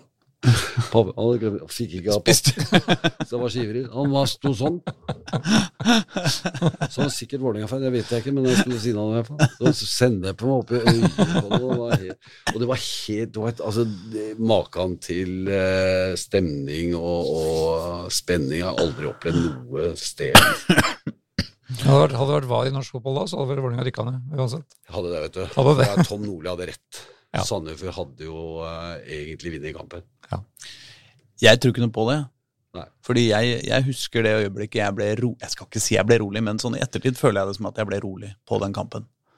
Uh, og det var når uh, Rekdal bytta inn seg sjæl. Og han hadde så mord i blikket den dagen. Og, og jeg tror at om, om Vålerenga hadde trengt ti mål, så hadde Kjetil Rekdal sjøl tatt med ballen hvert fram og skåra hvert av de måla. For han var så sinna, og han var så bestemt. Og du kan si mye både pent og stygt om Kjetil Rekdal, men når han har bestemt seg for noe, så, så Ja, ja, ja. blir det ofte sånn, altså. jeg er ikke den som ville stått i veien for han i er noen som helst sammenheng i livet mitt, for å være ærlig. Ja, ja, ja. og det, det føltes i hvert fall for meg da som at det var bare Det var bare Kjetil Rekdal som bare Han hadde bestemt seg så intenst for at dette skulle vinnes, at uh, sånn blei det. Ja, jeg tror du har rett i det. Han var nok med og redda dette inn. Men hvem kan virkelig bestemme seg nå mot Lillestrøm? Det er det jeg lurer på. Mm. Jeg er enig Ja, det er det. det. Hvem er det? Ja. Du mangler den på midtbanen her som uh, Ja, du mangler- dette, mangler- er, uh, dette er dynamoen i Ja, ikke sant. Husker du han der, han australieren som spilte for Lillestrøm? Ja, jeg husker hvem du mener, men jeg husker selvfølgelig ikke Han, navnet lenger. han skulle jeg gjerne hatt i den kampen mandag. Ja. Ja. Der var det Weidmann, nå var det? Mm. Casey Weidmann. Casey Fairman, ja. Ja, da var det muskler og Ja. En sånn en trenger vi, vet du. Ja. Vet du, Sånn som Tiago Holm, som er en fantastisk eh, Mm. artist. Han har ikke den. Han er ikke den, han skal ikke ha den heller, han altså. Nei. Han skal være den han er. Men vi trenger en ved siden av han som rydder opp litt. Mm. I hockey så, så er det alltid en sånn Ja. som eh, tar den rollen. Mm. I Vålerenga har vi ikke den personen. Altså, Så er det en fordel i hockey, da. Du blir bare ute i to minutter. ja, det, det er sant. Det er sant, det. Hadde du noe mer eh, Nei, avgjørende på blokka, eller? Nei, jeg syns dette var uh, veldig spennende. Jeg har masse på blokka, ja, men Jeg syns det sjøl, altså. Men uh, jeg bare- føler at vi er nødt til å runde av, for disse stakkars lytterne våre har annet å drive med også. Men har du et uh, tips? Et, hva, hva blir resultatet mot Lillestrøm? Det blir som Reidar. Vet du. Hvem er som vant sist, Reidar? Da var det Lillestrøm vant eh, på Åråsen. Det var siste kampen, var det ikke? Ja. 2-1. 2-0. 2-1. Ja, det var 2-0, tror jeg. til- Eh, Det var en 2-0, fryktelig kamp. jeg, altså. Det var fryktelig oh, ja, kamp. var- og- så vant vel Vålerenga 3-1 her. Ja. Jeg tror, jeg tror Vålerenga vinner nå. Jeg, jeg, har, jeg har litt troa på det. Mm. Uh, Men da snur jo hele stemningen rundt laget. Ja, de gjør det. Jeg tror de har gått litt i kjelleren og funnet kanskje en vei ut av det uføre. Blitt enige i garderoben om at faen, vi kan ikke Unnskyld. Vi kan ikke fortsette med dette. Så jeg tror hun kommer til å brette opp armene og gå utpå der og, og vise muskler. Jeg tror hun vinner. Jeg tror hun vinner 1-0. Jeg lurer på om vi bare sier det sånn, jeg. Da Kan vi ikke bare sånn. vedta det her og nå? Kan vi ikke det? Så får gjengen bare gjøre som vi sier. Hvis det ikke skjer da, hva skjer det nå da? Ja, da, da, da blir vi vår lage- autoritet vi som lave, skyggeledelse for Må vi lage Vålerenga. en ny podkast da? Ja, det får vi gjøre da. Altså. Da har vi mista garderoben. Da sliter vi. Ja, det Uff a meg. Uff a meg. Nei, men topp. Takk for at du kom, Jo, takk i like måte. og lykke til. Takk.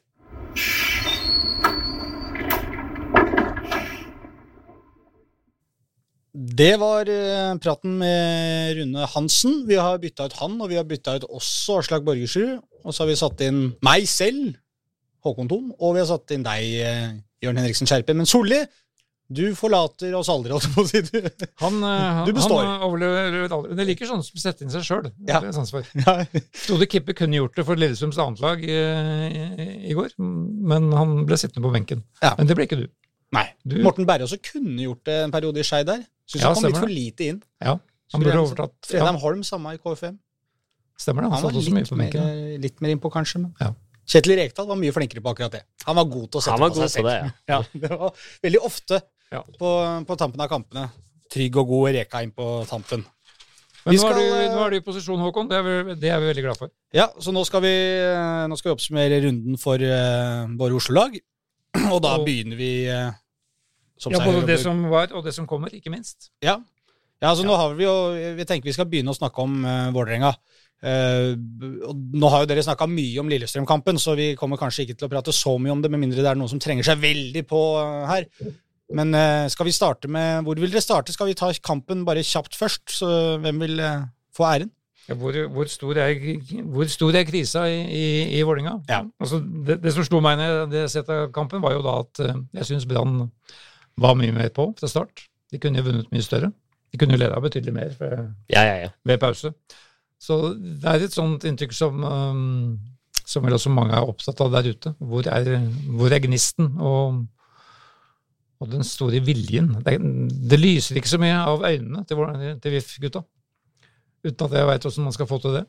Nei. Men um, nei, Rune Hansen var litt innpå det. Altså han, han savner liksom kommandanten på midtbanen deres. Uh, den som hockeykrigeren, som han kalte det, som kan ta tak og, og, og ja, både gå foran med muskler og, Muskler og mot? og, og mot. Pekte på den tidligere LSK-spilleren Casey Wedemann som et eksempel.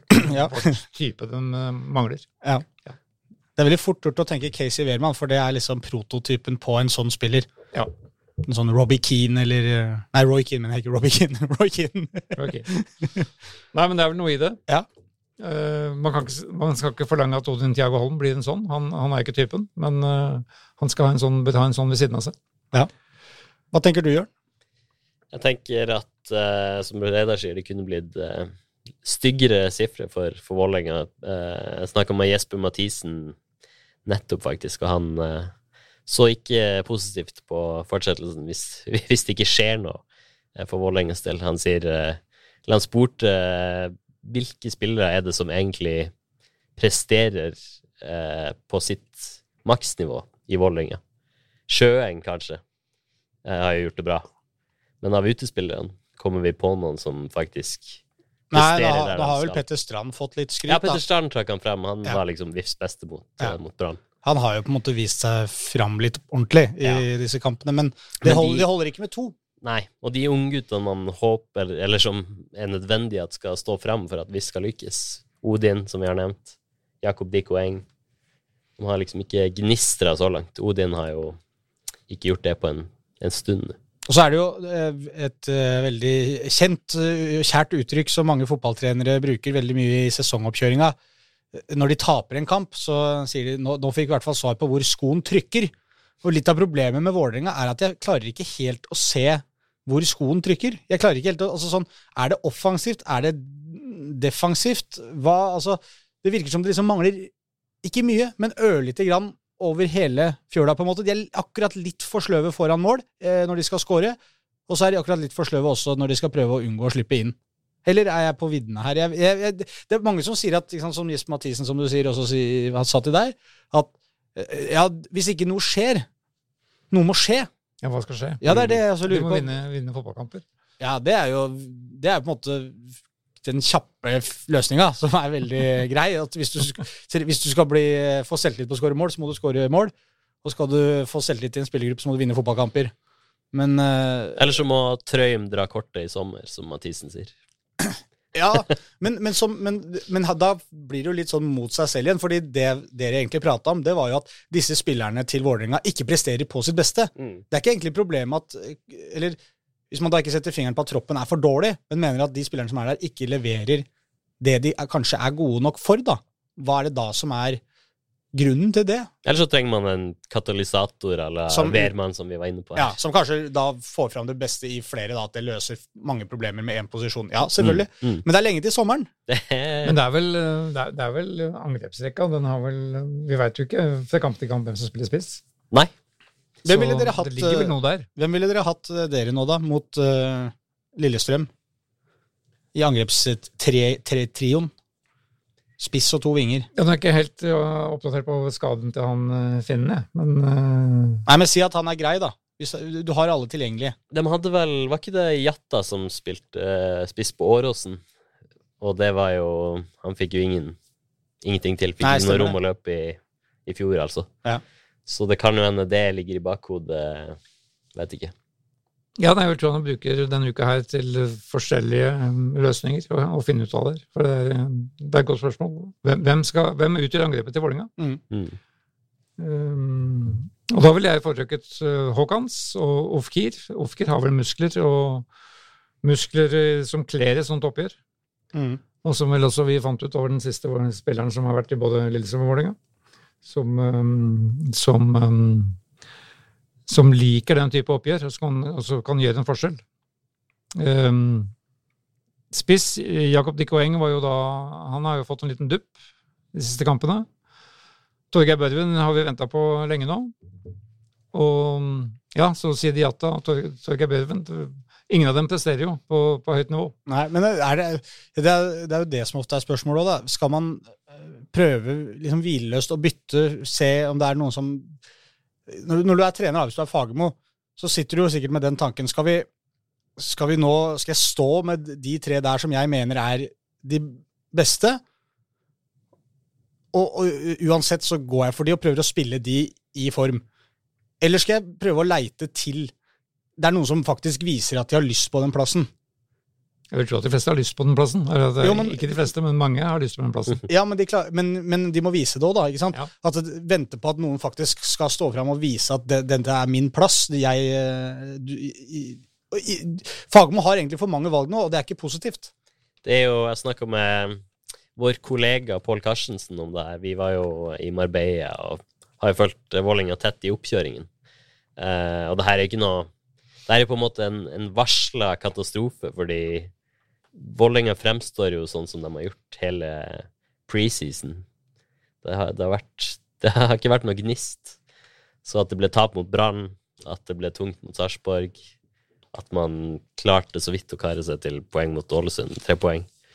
Det har liksom Det har bare fortsatt i det sporet de har vært i hele veien, syns jeg. Mm. Så Ja. det, det er jo ikke positivt. Nei da, og, og det er jo som, som Rune Hansen nevnte også, at det går litt utover um, Altså når man har så mye unggutter på laget, som selvfølgelig, som alle ser har veldig mye talent i seg, men hvordan preger det dem mentalt at klubben står i det de står i nå? Og hvor, uh, hvor presset øker, mm. hvor de ikke tør å slå de, de langpasningene lenger som de ville tørt når de hadde selvtillit. Og nå møter de et, uh, et Bodø-Glimt som jeg oppfatter som uh, atskillig mer fysisk enn det Vålerenga-laget er nå. Uh, Så får vi se. Lillestrøm. Lille- Ja, Ja. så er det noe annet. Jeg tror Ja. ja. Uansett. Men de skal ut i en semifinale onsdag, eh, Lillestrøm mot Bodø-Glimt, eh, Mm. på Åråsen. Men de, har, de er liksom i en helt annen flytsone enn en Vålerenga. Mm. Og gleder seg antagelig enormt til den kampen på mandag. eh, Nettopp pga. det, at de har nå de har lyppa to kamper på rad nå i, i sin favør. Ja. Så de har liksom motsatt kurve av det, av det Vålerenga har. Og nettopp det snakka i, i Marbella da, for et par måneder siden, så snakka vi med Jesper Mathisen om det. Der han sa hvis Vålerenga får en tung start, hvordan vil det påvirke de unge spillerne? Ja. Nettopp Ja, og, og det er jo egentlig på en måte Sarpsborg-kampen som var uh, den mest ødeleggende, på et vis. Altså, eller sånn Hadde de fått tre der, da, og stått med seks poeng Ja, ikke det sant? hadde sett annerledes Så, ja, vi skjønner at Brann borte er vanskelig. Ikke sant? Nå kommer Lillestrøm hjemme, så kommer eh, Rosenborg etter det, vel? Mm, borte. Ikke sant? Det, det, vi snakka om dette sist også, og så var det jeg som da begynte å gå enda lenger, og da Haugesund Det blir ikke heller. på, på bortebane etter det som så ofte også er litt ekkelt, da. Men eh, eh, når du snakker om katalysator, da, og en sånn en, en, en stor, sterk, rutinert kanskje midtbanespiller som, som har litt andre kvaliteter enn Eller de kvalitetene som man mangler litt her, da. En annen katalysator er jo også treneren, da. Ja da, selvfølgelig. Og det, er jo en pussig situasjon. Jeg vet ikke om det er noen andre klubber i Norge som har tre hovedtrenere, egentlig, som eh, i trenerapparatet. Altså både Jan Fredrik Nordnes og Trond Fredriksen har jo vært hovedtrenere i Eliteserien begge to. Mm. Så det er altså tre mann. Så, så det burde jo i teorien være nok treningskrefter Ja. eh, på alle. Og så har de vel eh, ansatt en analysesjef, det er vel i dag. Ja, de henta analysesjefen, eller utviklingslederen til Grorud, ja, okay. til å bli eh, analysesjef i Vålerenga. Så han, han startet på onsdag. Ja, Lars Erik Samuelsen. Okay, ja. Men jeg tror ikke han har vært han, Det blir ikke så mye poeng. Da jeg bare føler at når vi drar opp alle disse um, argumentene som vi gjør nå, på en måte en tropp som ikke leverer så bra som de skal, mangler gnist, Uh, disse tingene her, så er det jo veldig vanlig å kikke på treneren, da. Ja, selvfølgelig. Det, er- det er faktisk helt vanlig. Ja, det, så, så, så, jeg veit ikke hva Ja, hva, hva tenker vi på en måte om eller rundt Dag Aule Fagermo? Nei, det, vi opplever jo at det brenner rundt han nå. Ja. I hvert fall det ulmer. Ja. Eh, og det ulmer stadig kraftigere. Og, og det mm, mange peker på, som, er, som jo er riktig, at de, de ser ingen utvikling Nei. Eh, siste året. Eh, de ser liksom ja, ser ikke noen retning. Nei, vi, Og, og det han alltid er beskyldt for, det er at han ikke har noen plan B. At han Ja. ikke har forskjellige spillestiler de kan eh, operere med. ja, men drit i plan B. altså Uansett om du har plan B eller ikke, hvis en plan A aldri fungerer, så må du få en ny plan A. Det er jo nesten det Vålerenga mangler nå. For det er jo plan A som ikke fungerer. Det er. Det er klart, og du, Hvis du da ikke har noe plan B, så har du ingen plan. Men, men, men bare vi kan ikke, Han får jo mye kritikk for at han ikke har en plan B. Når, hele, når Vålerenga spiller kamp etter kamp, og vi sitter og lurer på det samme ting har gjort i tre år nå, føler jeg. At vi sitter etter hver Ja, kanskje vinner en kamp der. Ja, nå fikk de det til. Var litt mer direkte, kom seg inn i bakrom litt oftere, kanskje. Men det er på en måte, det føles som det er mer opp til motstanderen de møter, enn at egentlig Vålerenga Det virker som det andre laget gir dem noen rom som de andre ikke gjør, og da klarer de å bryte igjennom. Men de, de, de spiller jo ikke god nok fotball ofte nok, da, til å være eh, litt høyere Nei, på altså- tabellen. Men så er spørsmålet om det laget kanskje ikke er bedre, da. Ja, det er kanskje så enkelt. Ja.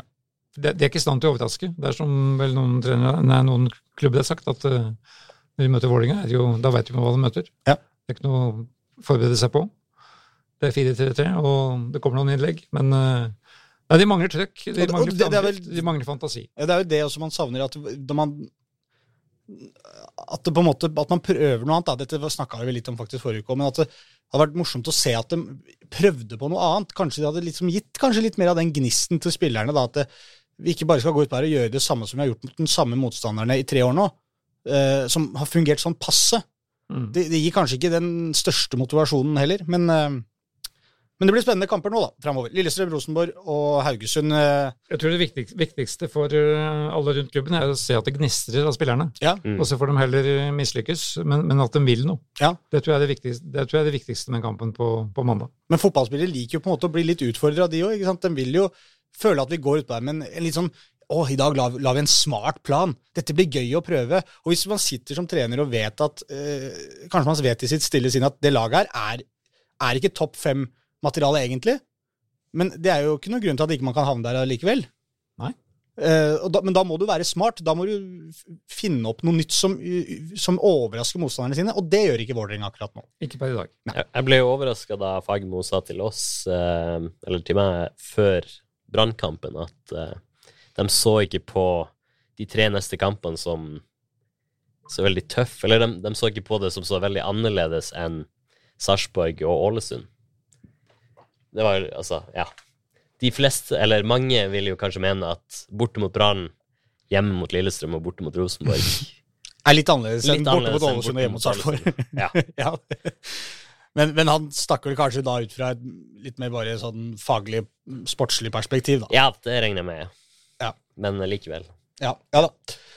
Eh, men sånn er det bare, Dag Eilev. Når, det- når det ikke går veien, så må vi prate om dette. Det koker litt, og, og det skal det egentlig gjøre også. For uh, per nå så er Vålerenga uh, ikke kjempelangt unna, men litt for langt unna der, uh, der de ønsker å være. Men det er jo morsomt at den kampen allerede er utsolgt på mandag. Ja. 1. Ja. mai. Det er, jo, det er jo et dristig prosjekt, det snakka vi litt med Lund Hansen om. Det er jo et litt dristig prosjekt å legge den på nettopp 1. mai. Arbeidernes dag, da må det jobbes. Da må det jobbes. Og det har ikke noen arbeider på midten der. Kanskje det er derfor de har lagt den til 1. mai. Ja. Så da må alle sammen Alle. Ja. Da, Men, da eh, hviler jo arbeiderne, da, så det er kanskje Men det er jo, nei, så det er jo det er mye sikkerhet rundt denne matchen her. Ja. Og Ja, og det har jo da Vålerenga informert mye om på sine hjemmesider. For det er jo veldig styr med, og logistikk med å sluse disse supporterne inn riktig vei. Ja. Eh, LSK-supporterne kan ikke gå på Helsfyr T-banestasjon, blant annet. Det må man jo merke Nei, seg. de, alle skal ta bussen på den andre sida der. Det blir moro. Og da, da trekker jo frem eh, Mathisen trekker frem eh, den eh, gode, gamle klisjeen om at eh, i et derby som det her, så betyr ikke form kanskje så mye. Da er det en isolert match. ja da, og sånn sett så kan jo eh, Det vet jo alle som eh, noen gang har vært glad i et lag som er involvert i et skikkelig derby. Så, så vet man jo det at derby er egentlig det beste å få når du selv ligger litt nede. Altså det er, for du vet at her kan, som du sier, alt skje, og det er jo Mm. beviselig også nesten. at uh, Statistikken mellom uh, Vålerenga og, og Lillestrøm er vel jeg tror det er 28 seire til Vålerenga, 27 har gjort og 27 Ja, det er Nei, Lillestrøm. Er det Det ikke skal, det? det skal jeg ta nå. Det er Europas Det var vi også innom så vidt eh, Ja. i stad, men um, det er Europas jevneste derby. Det var ganske jevnt. Det er jeg sa nå. 30 seire etter Vålerenga, okay. 30 seire etter Lillestrøm og 28 uavgjort. Ja, ok. Ja, men jeg leste noe om at det var bare Det er kanskje med cup, da. Cup er det 33, 29, 33. Så jevnt uansett, da. Siden 1954. Jevnt er det. Ja. Ja. Og første kampen i 1954 endte selvfølgelig 2-2. Jevnt fra start. Og det kan jo bety veldig mye for uh, omgivelsene alt hvis Vålerenga vinner den matchen. Kontra selvfølgelig hvis den taper. Ja, ja, ikke sant? Da, da plutselig så flyr du litt igjen. Ja. Men, men, men det er jo det. Da er vi tilbake der, da. Så vinner man en sånn kamp, og så er det det å følge opp. Men det får vi ta den gang. Nå er det først fest mot Lillestrøm, og det er bare å glede seg til. Det kommer Mm. til å bli eh, Det kommer i hvert fall til å bli gøy fram til kampstart, og forhåpentligvis eh, helt fram til det er slutt også. Vi skal nyte dette helt til slutt. Ja, absolutt. Vi er på plass, i hvert fall. Det håper vi alle dere som hører på her også, for det blir fotballfest 1. mai. Nå må vi eh, bevege oss videre til eh, førstedivisjon, eller Obos-ligaen om du vil det. Der har vi to lag. Vi kan jo begynne med, skal begynne med Skeid, da. Som spilte i Grimstad mot Jerv og tapte 3-2. Ja, og det var vel personlig feil, var vel stikkordet. Eh, oppsummeringen av den kampen her. Ja, jeg har ikke fått sett alle høydepunktene, men det slo meg at eh, på eh, Jerv tar jo ledelsen 1-0. Eh, Bendik Riise som mister ballen litt stygt, eh, og så blir, eh, blir en scoring imot. Men så gjør jo Bendik Riise ganske greit opp igjen på 1-1-skåringa, for da leverer han en helt fantastisk kule til eh, Budusson, som eh, ikke er noe dårligere han, som vipper den tilbake igjen inn i feltet og på huet til Hoven, som styrer inn 1-1. Det er vel årets eh, vakreste Skeid-angrep. Ja. Eh, vil jeg tro. Det var vel også første skåring av en spiss i, i Skeid så langt i år. Ja. Eh, nei, så det var veldig bra. Og som sagt, Bendik Riise han mista ballen på 30 meter den, foran den første goalen, som ble direkte avgjørende. Pasningen var strålende. Han hadde flere han ha, mange gode, Han har mange gode innlegg. Men så kom også da mm, 1-2, som var David, da, David Hickson, som eh, egentlig hadde full kontroll på en ball innenfor egen 16-meter, skulle klarere ut og bli takla i stedet. Og vedkommende da legger den pasningen som gir, gir 3-1. Og så kommer da Skeids Ja, så har jo da Jerven eh, et straffespark underveis der, som, eh, som, som keeper, Skeid-keeper Nilsen redder. Ja. Og så kommer da Ja, vel på, det var vel på 1-1, tror jeg. ja, og så kommer da Skeids siste redusering 2-3. Det kommer ti minutter på overtid, faktisk. Ja. Dommeren la til 13 minutter. Det er ikke så ofte, men eh, det var grunn til det pga. mye skader. Ja. Og Jerv avslutta med ti mann, fordi de hadde ikke flere å, bytte, flere å bytte inn. Men, uh, Men, men eh, var det skader på Er det noe uh, Skeid-folk nei, trenger å bekymre seg for? det var, nei, Nei. dette var Jerv. Ja. Det, det bryr vi ikke vi oss Nei, så mye om. om de skader seg Men vi håper de, de kommer seg, selvfølgelig. Men uh, to-tre-tap for Skeid, dette har vi hørt før. Ja, det, det er jo litt sånn gufs fra forrige sesong, dette her. Det er det. Og dem um, Ja, nei, vi, vi var jo på Skeidhuset her i forrige uke og snakka med Gard Holme um, på en liten medlemskveld der. Uh, da var jo også bortestatistikken et av, et av temaene. De, jo, de var et av de dårligste bortelagene i, i fjor. De, de skåret bare ni mål totalt borte. og Det var, det var helt suverent svakest av alle i Obos-ligaen. Mm. Nå skåret de i hvert fall to mål, så, Ja. så det er jo fremgang. Men det er klart, de, de sliter borte og har, skal ut en ny bortekamp nå mot uh, Ranheim kommende helg. Eh, ingen, ingen enkel oppgave. Så mm, nei, Skeid eh, har sitt ene poeng og ligger da har bare ett lag bak seg på tabellen. Og det er KFM. Oslo. Ja. ja. Så Vi trenger ikke å si noe mer om uh, Skeid, for vi, det var så fin overgang til KFM at vi bare skal ta det, kanskje. Vi, vi, Nei, altså, vi hadde en lang seanse om altså, dette her, denne, denne um, utvisningshistorien til han uh, Torjen Naustdal. Han, han, han, spilte da for annetlaget nå i tredje divisjon ja. uh, for, for, første gang. De, de tapte jo også. I motsetning til i fjor, hvor de vant alle kampene sine på hele vårsesongen, så taper nå Skeid to også sine kamper. Ja. Men da fikk både Torje Naustdal sine Han spilte fra start, og keeper Lars Martin Kvarikvold. Det er litt tvil om hvem som egentlig er førstekeeperen i Skeid. Og det, det er ifølge Gard Tomle fortsatt Kvarikvold, men han har slitt med en tommelskade siste uken. Ja. Men nå spilte han for annetlaget. Ja, det er litt, sånn, det er litt ruskevær i Oslo-fotballen om dagen. Det er, det er, ikke så mye lyst Det er ikke så mye lystig å ta tak i. I hvert fall ikke i de to øverste divisjonene. Men hvis vi graver Vi kan, vi kan prate litt mer om Skeid, men kanskje vi skal bare ta KFM eh, først også, som spilte mot eh, Ranheim, serieleder. Ja, de som skal møte Skeid neste Ja. runde. Og det Og de ble, er vel- Der var du, Jørn. Der var Jørn. Der var jeg på Ekeberg. Der ble det 1-0 til eh, Ranheim. Sivert Solli eh, kom seg fri alene mot keeper der og plasserte inn 1-0. Flere mål ble det ikke. Og ja, begge lag hadde sjanser der, men Koffa Som Robin Rask sa det, Koffa var kanskje best mellom de to 16-meterne, men det er jo gjerne i de to boksene det gjelder. Ja. Så eh, Johannes Mosgaard innrømmer at eh, den Raufoss-matchen der det ble 0-4, den eh, har kanskje rysta spillerne litt. Mm. Så Det var, blitt, det var vel et lite sjokk, tenker jeg. ja, det var et litt sjokk. Man har fått litt høyere skuldre, og, ja, så det har ikke vært en god, god start for Koffa. De kunne fort tatt poeng i denne matchen, men uh, det butter imot for tiden, og da går det jo ofte sånn. Knepent tap. Ja, er det, Men er det, for å ta KFM kjapt nå, da, fordi vi snakka om hvor stor er krisen i Vålerenga, men krisen i altså KFM og Skeid har jo kanskje litt annet utgangspunkt, men de ligger, de ligger, begge, de ligger nederst på tabellen. altså. Mm. KFM på bånn og Skeid rett over.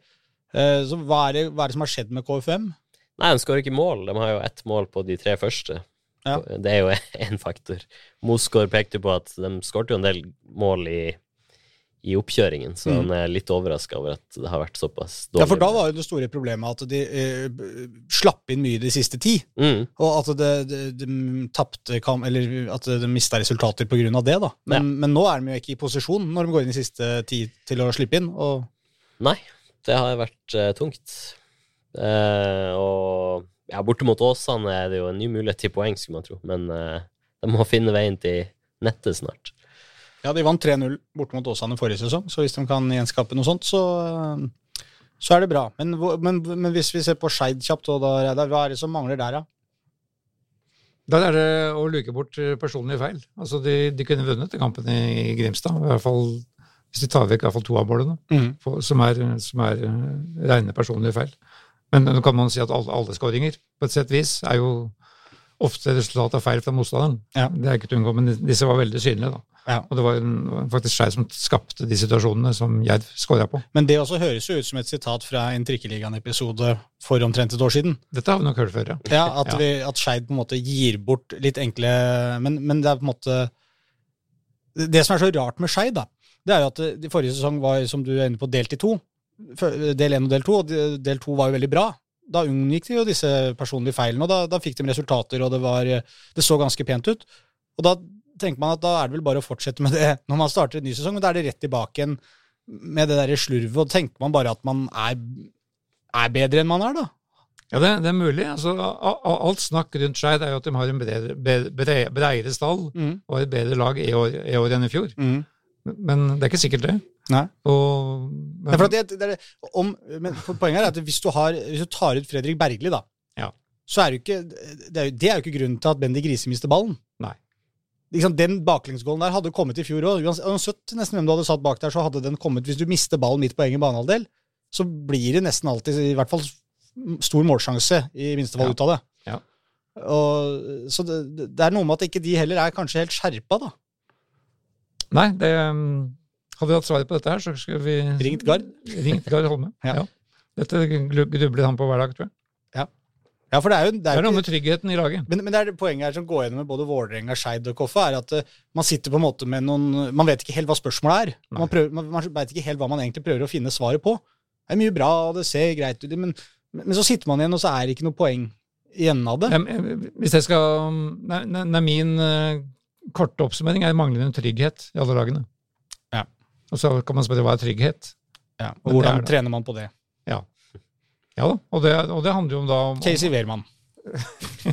Han har svar på alt. Nei, og Benny Grise er en strålende midtbanespiller. og så Han skaper jo veldig mye Ja, ja. og legger, legger farlige innlegg. og Ja da, men- Poenget er jo ikke å ta Benny Grise. Dette er jo, Nei, nei, nei. det- det- De rullerer jo på å gjøre disse feilene. Ja da. For Hvis det hadde vært Bendik Grise hver gang, så hadde de jo bare satt den på benken. Men eh, da kunne nesten ikke det heller, for han hadde ikke skåra det flotte målet. Han skåret ikke, men han la opp til det. Ja, Men hadde kanskje ikke skåra det fine målet hvis han ikke var på banen. Hvem da? Er, er Skeid? Ja. Nei, nei. Nei. Nei, nei, nei. Det er ikke noe tema. Å sette han på benken. På, på ingen måte. Nei. Nei. Nei, så vi er ikke blitt noe klokere. Men Vi blir ikke eh, noe klokere. Det, det, jeg har så lyst på noe svar, men eh, Ja. vanskelig å få det ut av dere. Dere ruger på fasiten her, men dere er jo kloke mennesker. Det hadde vært genialt da, hvis, hvis vi hadde fasiten Ja. på hvordan ethvert lag skulle vinne kamper. Ja. Ja. Der har vi et potensial, kanskje. Men skjerpe dere. Ja. Bare ta dere sammen litt, grann, så er dere der. Programlederen må stille bedre spørsmål. Ja, det må han også. Programlederen eh, velger istedenfor å stille gode spørsmål, så velger han å hoppe videre. Legger den død. Foreløpig. Vi kommer tilbake. Det var da eh, Skeid Ranheim eh, neste Nei, Ranheim Skeid og Åsane KFUM. To bortekamper, ja. Ja, til helga. Eh, ja, til, mm, til Trondheim og til eh, Bergen med oss. Da eh, kan Da, du nær, da nærmer vi oss det hyggelige. Ja, nå begynner det å bli hyggeligere, ja. Ja. Skal vi, eh, hvor vil vi begynne? Vi, har, vi kan snakke om Grorud, vi kan snakke om Kjelsås, vi kan snakke om Lyn, og vi kan snakke om Vålerenga 2. Og vi kan for snakke om Ullern. Ja, for vi er det i andre versjon. Men da, da velger jeg å starte med, med mm, Og spennende. De, de, de to lagene som nå ligger ganske godt plassert i, i um, andre visjon. Du kan jo si noen ord om den uh, berømte andrelagsdebatten. Der eh, Ja, men den det kommer vi tilbake til når vi skal inn på VIF 2. ja. Nei, Vi starter med det enkle og hyggelige. Ja. Kjelsås Ørn Horten 1-0. Veldig Hvor greit. da vi har venta i ukevis på Jens Aslaksruds første seriemål for Kjelsås. Og den som venter Etter på noe godt. Venter ikke forgjeves. Veldig elegant. Um, det var vel midtveis ute i annen omgang der, hvor han får en, en langt, spill, langt oppspill bakfra. La ballen sprette én gang. Han er litt sånn på skrått utapå venstre side av 16-meteren. Okay. La ballen sprette én gang, Ja. og så tar han på hel volley, rett bort i motsatt kryss. ja, det kalles vel halvvolley. Det kalles halvvolley. Han sa vel etterpå at det kanskje var det beste målet han hadde skåret? Eller? Ja, han uh, Det var såpass, ja. ja. Men Nå, nå har jeg ikke alle måla til han i huet, da, sånn sett, men uh, kanskje ikke han har skåra så mange fine mål. Ellers var dette her fantastisk bra. da. Ja, men skort, Jeg mener jeg husker noen fine mål, så jeg vet ikke om jeg er helt enig, men, uh, men det er derfor på pallen. Ja. Det er vi enige om. Nei, solid gjennomført kamp av Kjelsås, som jeg tror, tror har kapasitet til å blande seg inn i, i tetkampen her. Ja, det virker, jo, det virker jo i år som i fjor solid, på en måte. Ja. Altså sånn, De har en defensiv trygghet. De har kanskje den tryggheten som, eh, som vi snakker om, som de andre laga over dem på tabellen eh, gjør. Eller ikke over dem på tabellen, men i tabellsystemet over dem. Nett- Nettopp. Ja. Aner, aner det er. Tabellsystemet over den. faktisk. Nei, men Du rodde spiller, deg fint inn Divisjonen der. over den. de spiller med litt uh, og de spiller med litt entusiasme, Ja. som vi også mangler, som som vi kan si mangler i VIF. da. Ja. Så mangler den spillegleden og entusiasmen som, som lyser litt av spillere som, som opplever at de får til noe. Ja. Og det, slik ser Kjelsås ut akkurat nå.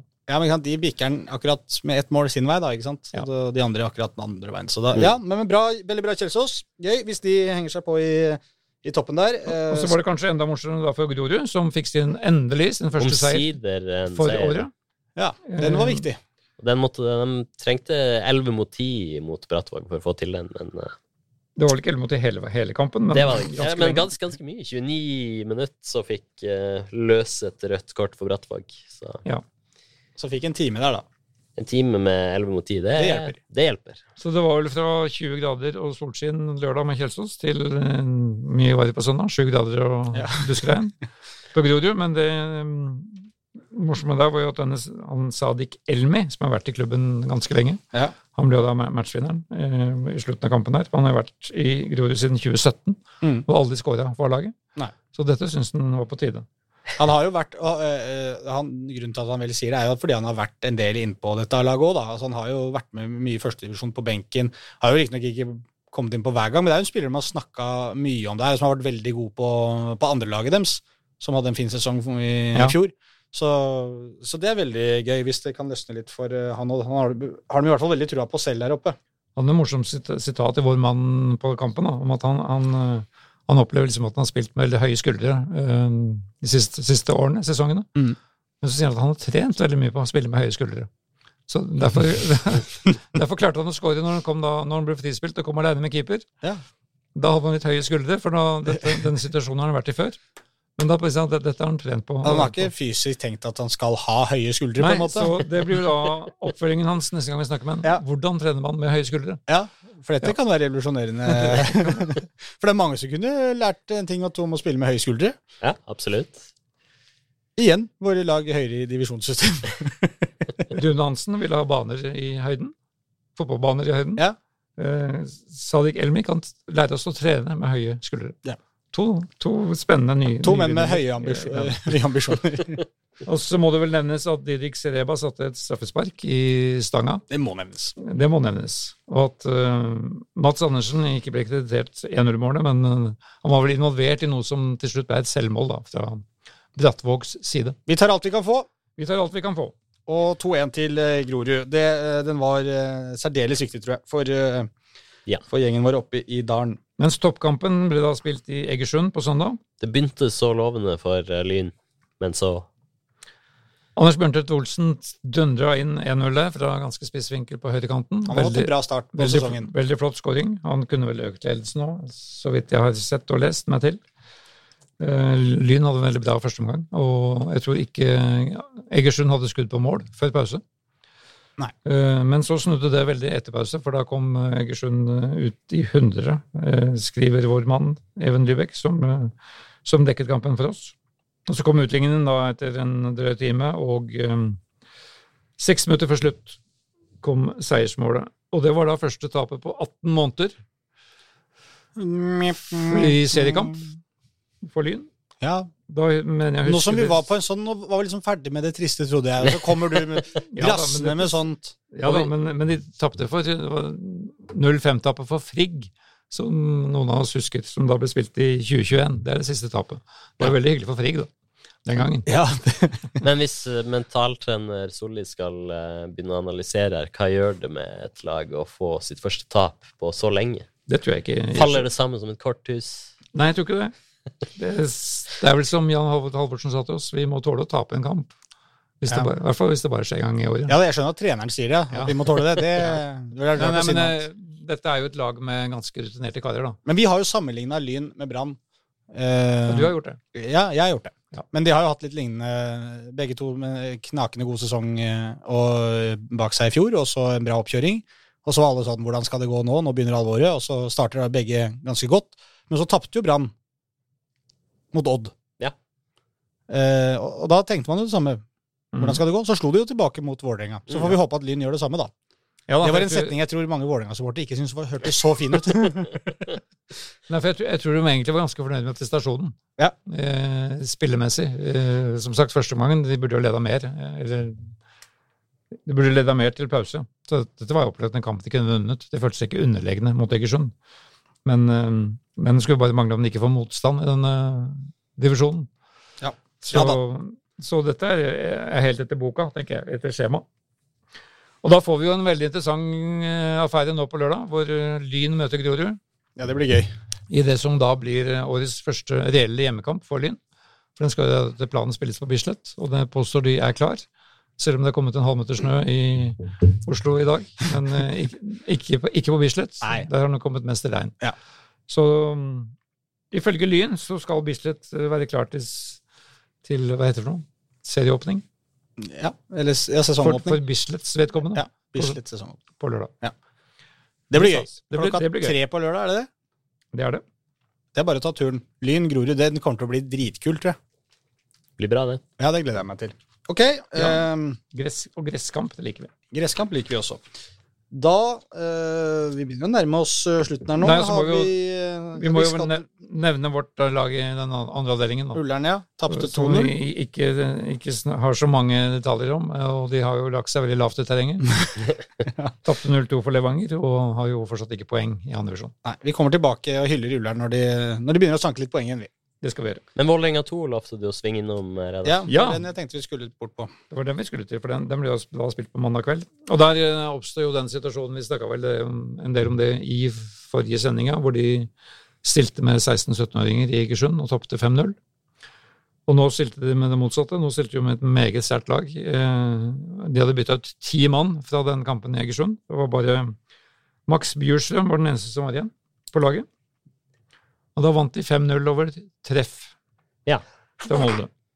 Og sånn vil det fortsette å svinge Med er Jones eh, El Abdelawi som skårte tre, og Philip Thorvaldsen som skårte to. Og de to, de to spillerne var jo helt dominerende. og De hadde jo også målgivende til hverandre underveis der. Vi kan vel også nevne at uh, fordi Mathias Emilsen spilte vel den matchen for VIF2. Han uh, er i dag lånt ut til uh, Sandnes Ulf i Ja. første divisjon. Men øh, veldig mange reagerer på dette her fortsatt, særlig i Lyn. Ja, for Lyn de vet at de skal møte dem 26. juni. Ja. Og begynner å skjelve i buksene allerede, fordi at Vålerenga skal stille et uh, mye bedre lag der enn mot Arendal og Ja. Arendal i neste, da. Og Egersund. Arendal i neste, og da snakka jeg jo med Øystein Sanden, treneren, etter dette her, og han bekrefter jo at denne strategien vil fortsette. Mm. Så når de møter Arendal nå neste gang, så reiser de med guttelag. Ja. Og begrunnelsen er at da, da En rar tilværelse å være andrelagstrener. Det er det. Så etter den kampen, fordi nå, I og med at han har- neste runde nå er 1. mai, mandag, så spiller det antlaget på tirsdag. Og da har de bare fire treningsdager før de skal opp til Lerkendal, altså A-laget. Ja. Og da vil Fagermo ha best mulig kvalitet på de treningene. Og dermed er antlaget innkalt nærmest til de treningene. Ja. Og da blir det ikke noe Da kan Arendal forvente seg lett motstand i, i den seriekampen som da de skal ha der nede. Ja. Og dette, dette kan man jo skjønne, skaper litt reaksjoner, men de holder seg innenfor regelverket, og det er jo da igjen, som noen eh, Lyn-supportere har påpekt, det er jo bare fotballtinget som kan endre dette her. Ja. Men Ja, det slik, slik vil det altså fortsette, Ja. ifølge VIF. Eh, og, uh, vi snakka jo her på kontoret i stad med Espen som jobber her, han er jo lynmann. Han eh, sa jo det at uh, han hadde jo full forståelse for det, han. Ja. Det, er, det er toppidrett, det er sånn, sånn er det. Hvis, hvis de får lov til det, så selvfølgelig gjør man det. Som jeg sa, hvis det hadde vært Lyn som var i den samme situasjonen og kunne vært jævlig mot Vålerenga, så hadde han jo gjort det. Og det, det, det tror jeg hvis Lyn-supporter tenker eh, inni sitt eget hode at ja, det, vi hadde jo det. Men, eh, men det er klart, Eh, det er en del av problematikken, men denne andrelagsrøret da, som, eh, som rusler og går, det er jo det det på en måte bunner i. Det er jo ikke egentlig Lyn Vålerenga, det er på en måte bare eh, Ja, det bare koker litt ekstra, for der er det mer følelser og flere folk som faktisk bryr seg. Men eh, at, man, eh, at man kunne fått en egen andrelagsserie, det er vel Føles det ut som, i hvert fall i Fotball-Norge, at det er ganske stor enighet om at det hadde vært fint for alle, bortsett fra klubbene som har andrelag fint plassert. De syns det er en god ordning. Og som du sier, fotballtinget kan eh, gjøre noe med det, men da må folk eh, engasjere seg i det òg. Er det ikke så enkelt, da? En, jo det er riktig. Så hyggelig tabell da, med våre Oslo-øyne i andre divisjon avdeling 1. Egersund topper med ni poeng. Fran Lyn, Vålerenga 2 og Kjelsås, som alle har seks, seks poeng. Og Grorud har fire? Ja. Ja, eh, vi får runde av med toppserien, da. For vi har noen lag, der òg. Vi har tre. Og der er det jo motsatt. Der er det jo Det er ikke motsatt av den andredivisjonstabellen, Nei, men det eh, mot, nå heter, nei, må- hva sier jeg motsatt? Motsatt av eh, toppfotballen blant gutta. Ja. Toppfotballen blant jentene. Den er eh, strålende for tida, med Oslo-øyne. ja, det var en eh, kul match oppe i, eh, i Bergen. Det var jo en dobbel for uh, Vålerenga der oppe. De slo litt tilbake etter at de tapte på lørdagen, herrene. Så fikk damene Ja, mulighet til å revansjere det. Litt pussig kamp på Stemmemyren der på, på søndag, som vel er vel årets største publikumskamp også på jentesida. Mm. Eh, Det var jo over 1000 tilskuere der, faktisk. Det var en liten delegasjon fra Vålerenga, Soya? òg. Veldig bra delegasjon fra VIF. Veldig synlig og hørlig til stede. Så der, um, der um, ble det veldig fokus på Jalen Tompkins, for det så jo lenge ut at Vålerenga ville tape denne kampen. Uh, Fordi de tok ledelsen to ganger Mm. på to dødballer, som begge, begge kan vel karakteriseres som keepertabber. Ja, Hegerberg slår vel hjørnesparket rett i mål, gjør jeg ikke det? Nei, det er, hun, hun slår hjørnesparket, men det er Tompkins som slår ballen i eget mål. Ja, sånn, Hun ja, skal prøve å bokse den ja, ut. men det er ikke noen brand, andre brannspillere, mener jeg. Det er Liksom, Nei, nei. Ikke sant? Altså, Tompkins fikk kreditert det som et selvmål, Ja. for hun skulle banke ballen ut, men hun banker ballen inn i stedet.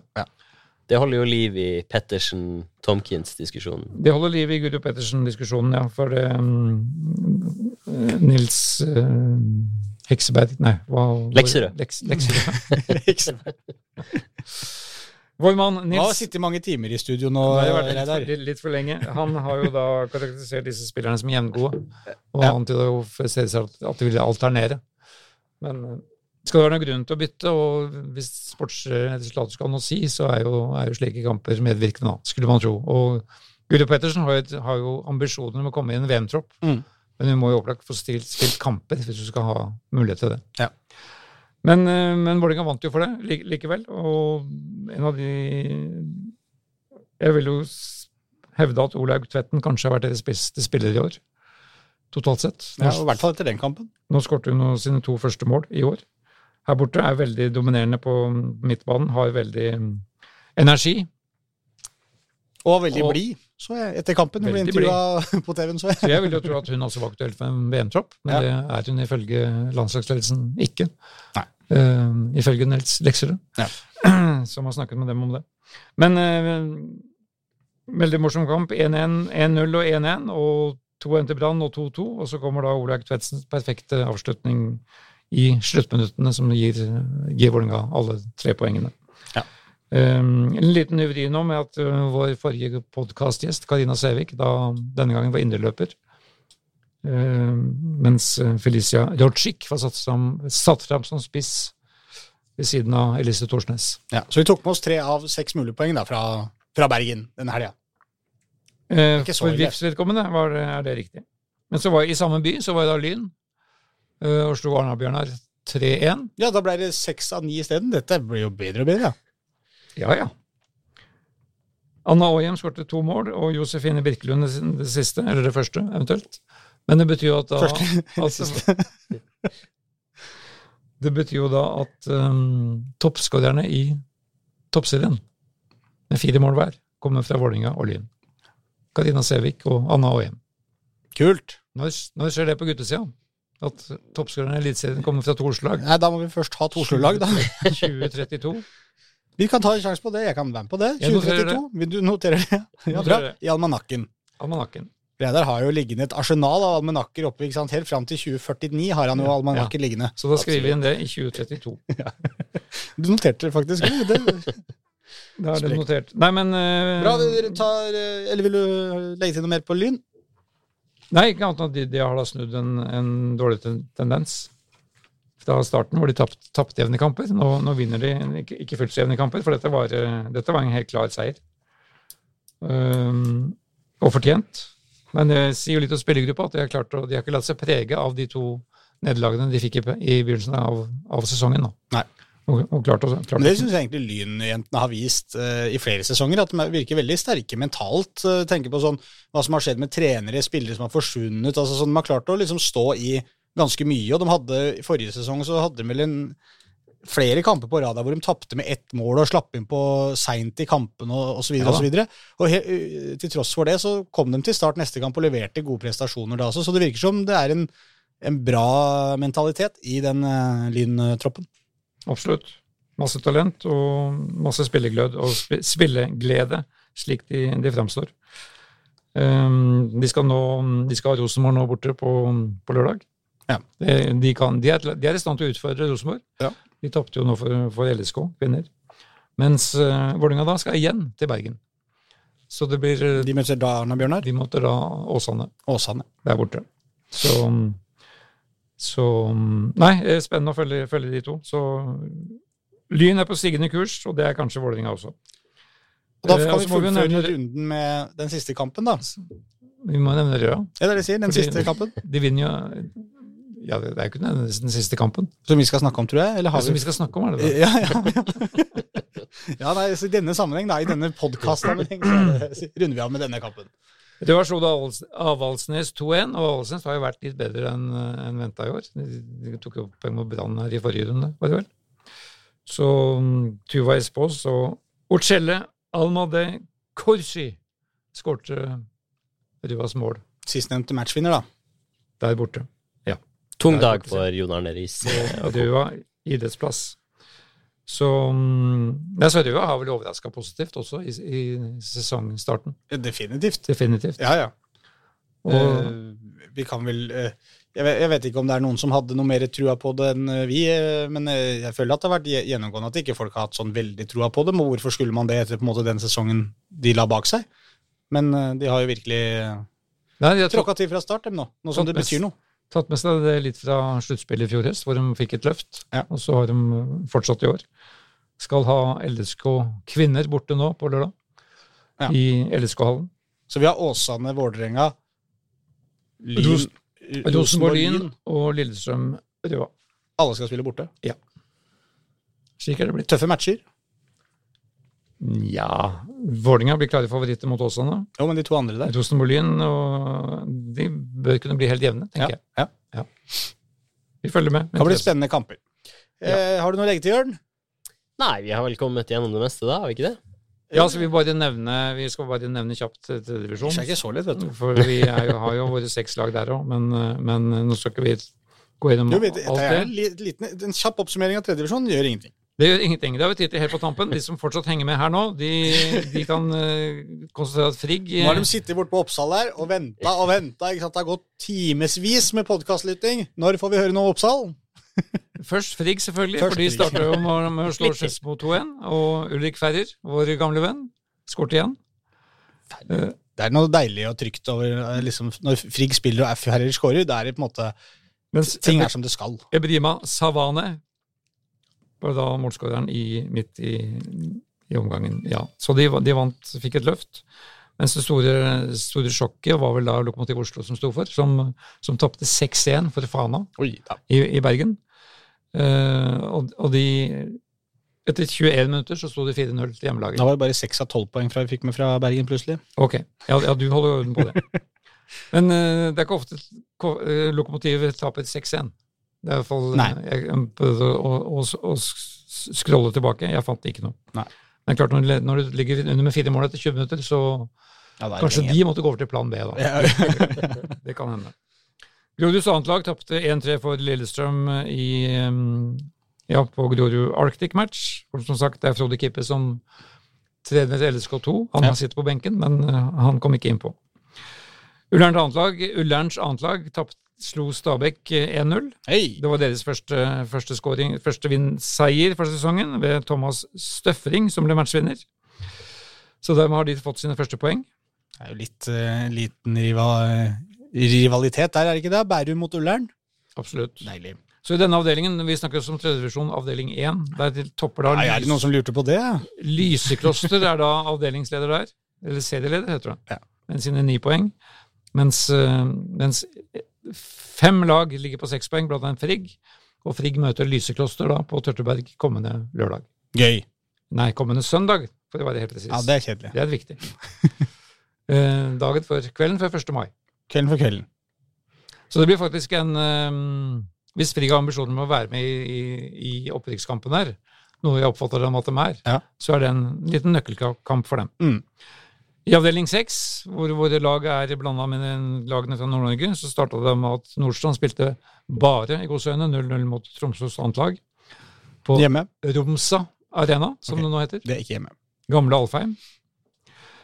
Jeg har dessverre ingen detaljer om det. Og så etterspurte du Oppsal, som vi da endelig kommer til, som hadde hjemmekamp Er det helt sist? til Rasopp. Er det den aller siste kampen vi skal ha? Det Eller har du er flere? ikke. Nei, ok.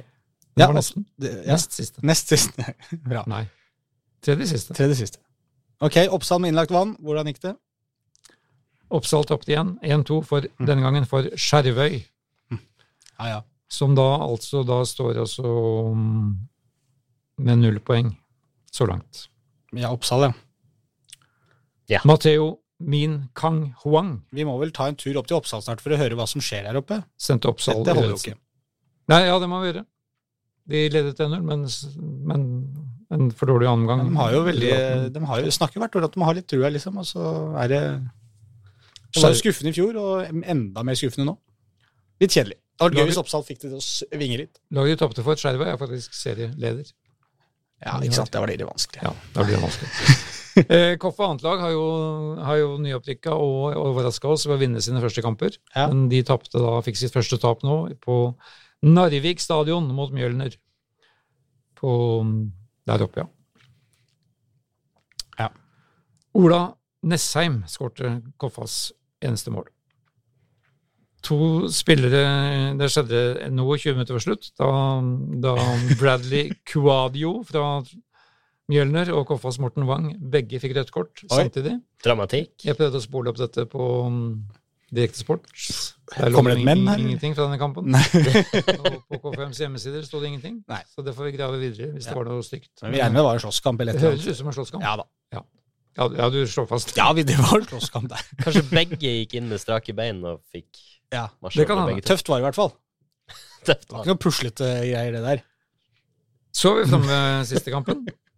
Skeis annetlag mot Follo. Follo har jo hatt en, eh, hatt en bra start. Um, Follo skal, har ambisjoner med å rykke opp her. Det er jo i randsonen av vårt dekningsområde. Ja, det sier du hver gang. Ja, og det kommer jeg til å fortsette å si. Ja, også når det rykker opp. Så de var på Nordre Åsen og vant over et ganske sterkt Skeid-lag. 2-1.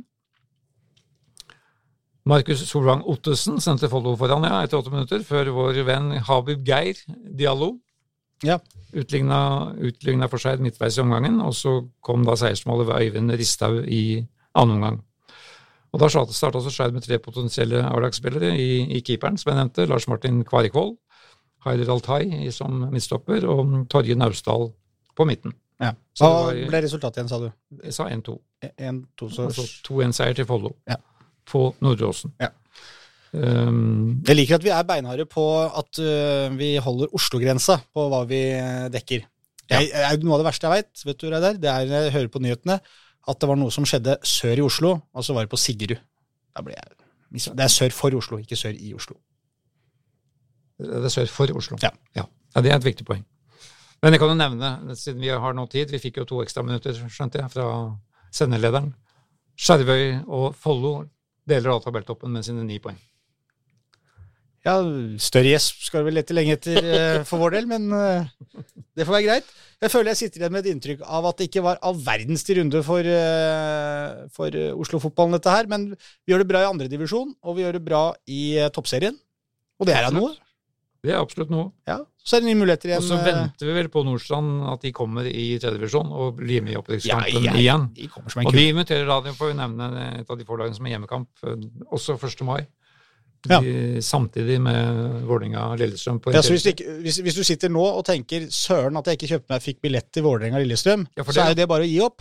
Så får du dra til Nordstrand isteden. Det er ganske mange som ikke fikk billett der, Ja. for der kommer de ikke inn. Og da kan du dra og se på Nordstrand mot klokka sju på Nordstrand så spiller Nordstrand mot Sarpsborgs annetlag. Ikke sant? Sarpsborg 082, som de da sikkert heter. Det blir 082. Ja. Hvilken nerve for en match det blir. Ta turen til Nordstrand hvis ikke du har billett på Intility. Og et annet argument, det er, det er jo sett Nå skal vi ikke mase så mye om Vålerenga lenger, men jeg ser jo på forum og diverse Du følger med? sosiale medier, som jeg av og til Blekker, innom. som du Thomas. Holm er stadig foreslått som, eh, som ny eh, Vålerenga-trener. Ja, tenk deg det. Tenk deg det. du. Og Men, Daniel eh, som assistent, eller? er- Nei, de har ikke tatt det lenger enn de har starta med Thomas. Ja. Men det gjenstår å se. Men eh, de som lurer på mer om det, kan stikke på Thomas Holm som Nå er jo vel Daniel eh, sportssjef oppe i eh, på der. K5. Ja. Sportssjef og ny trener, ny sportssjef. To ganger Holm. Holm, Holm. Noe sånt. Ja. Vi takker for oss. Det, det var denne runden. Nye muligheter kommer neste uke. Det er masse kule oppgjør. Lyn mot Grorud. Vålerenga mot uh, Lillestrøm. Kommer til å smelle i Oslo-fotballen også neste uke. Takk for at du hørte på. Og så på gjenhør. Takk til dere gutter. Ha det. Takk, takk. Ha det.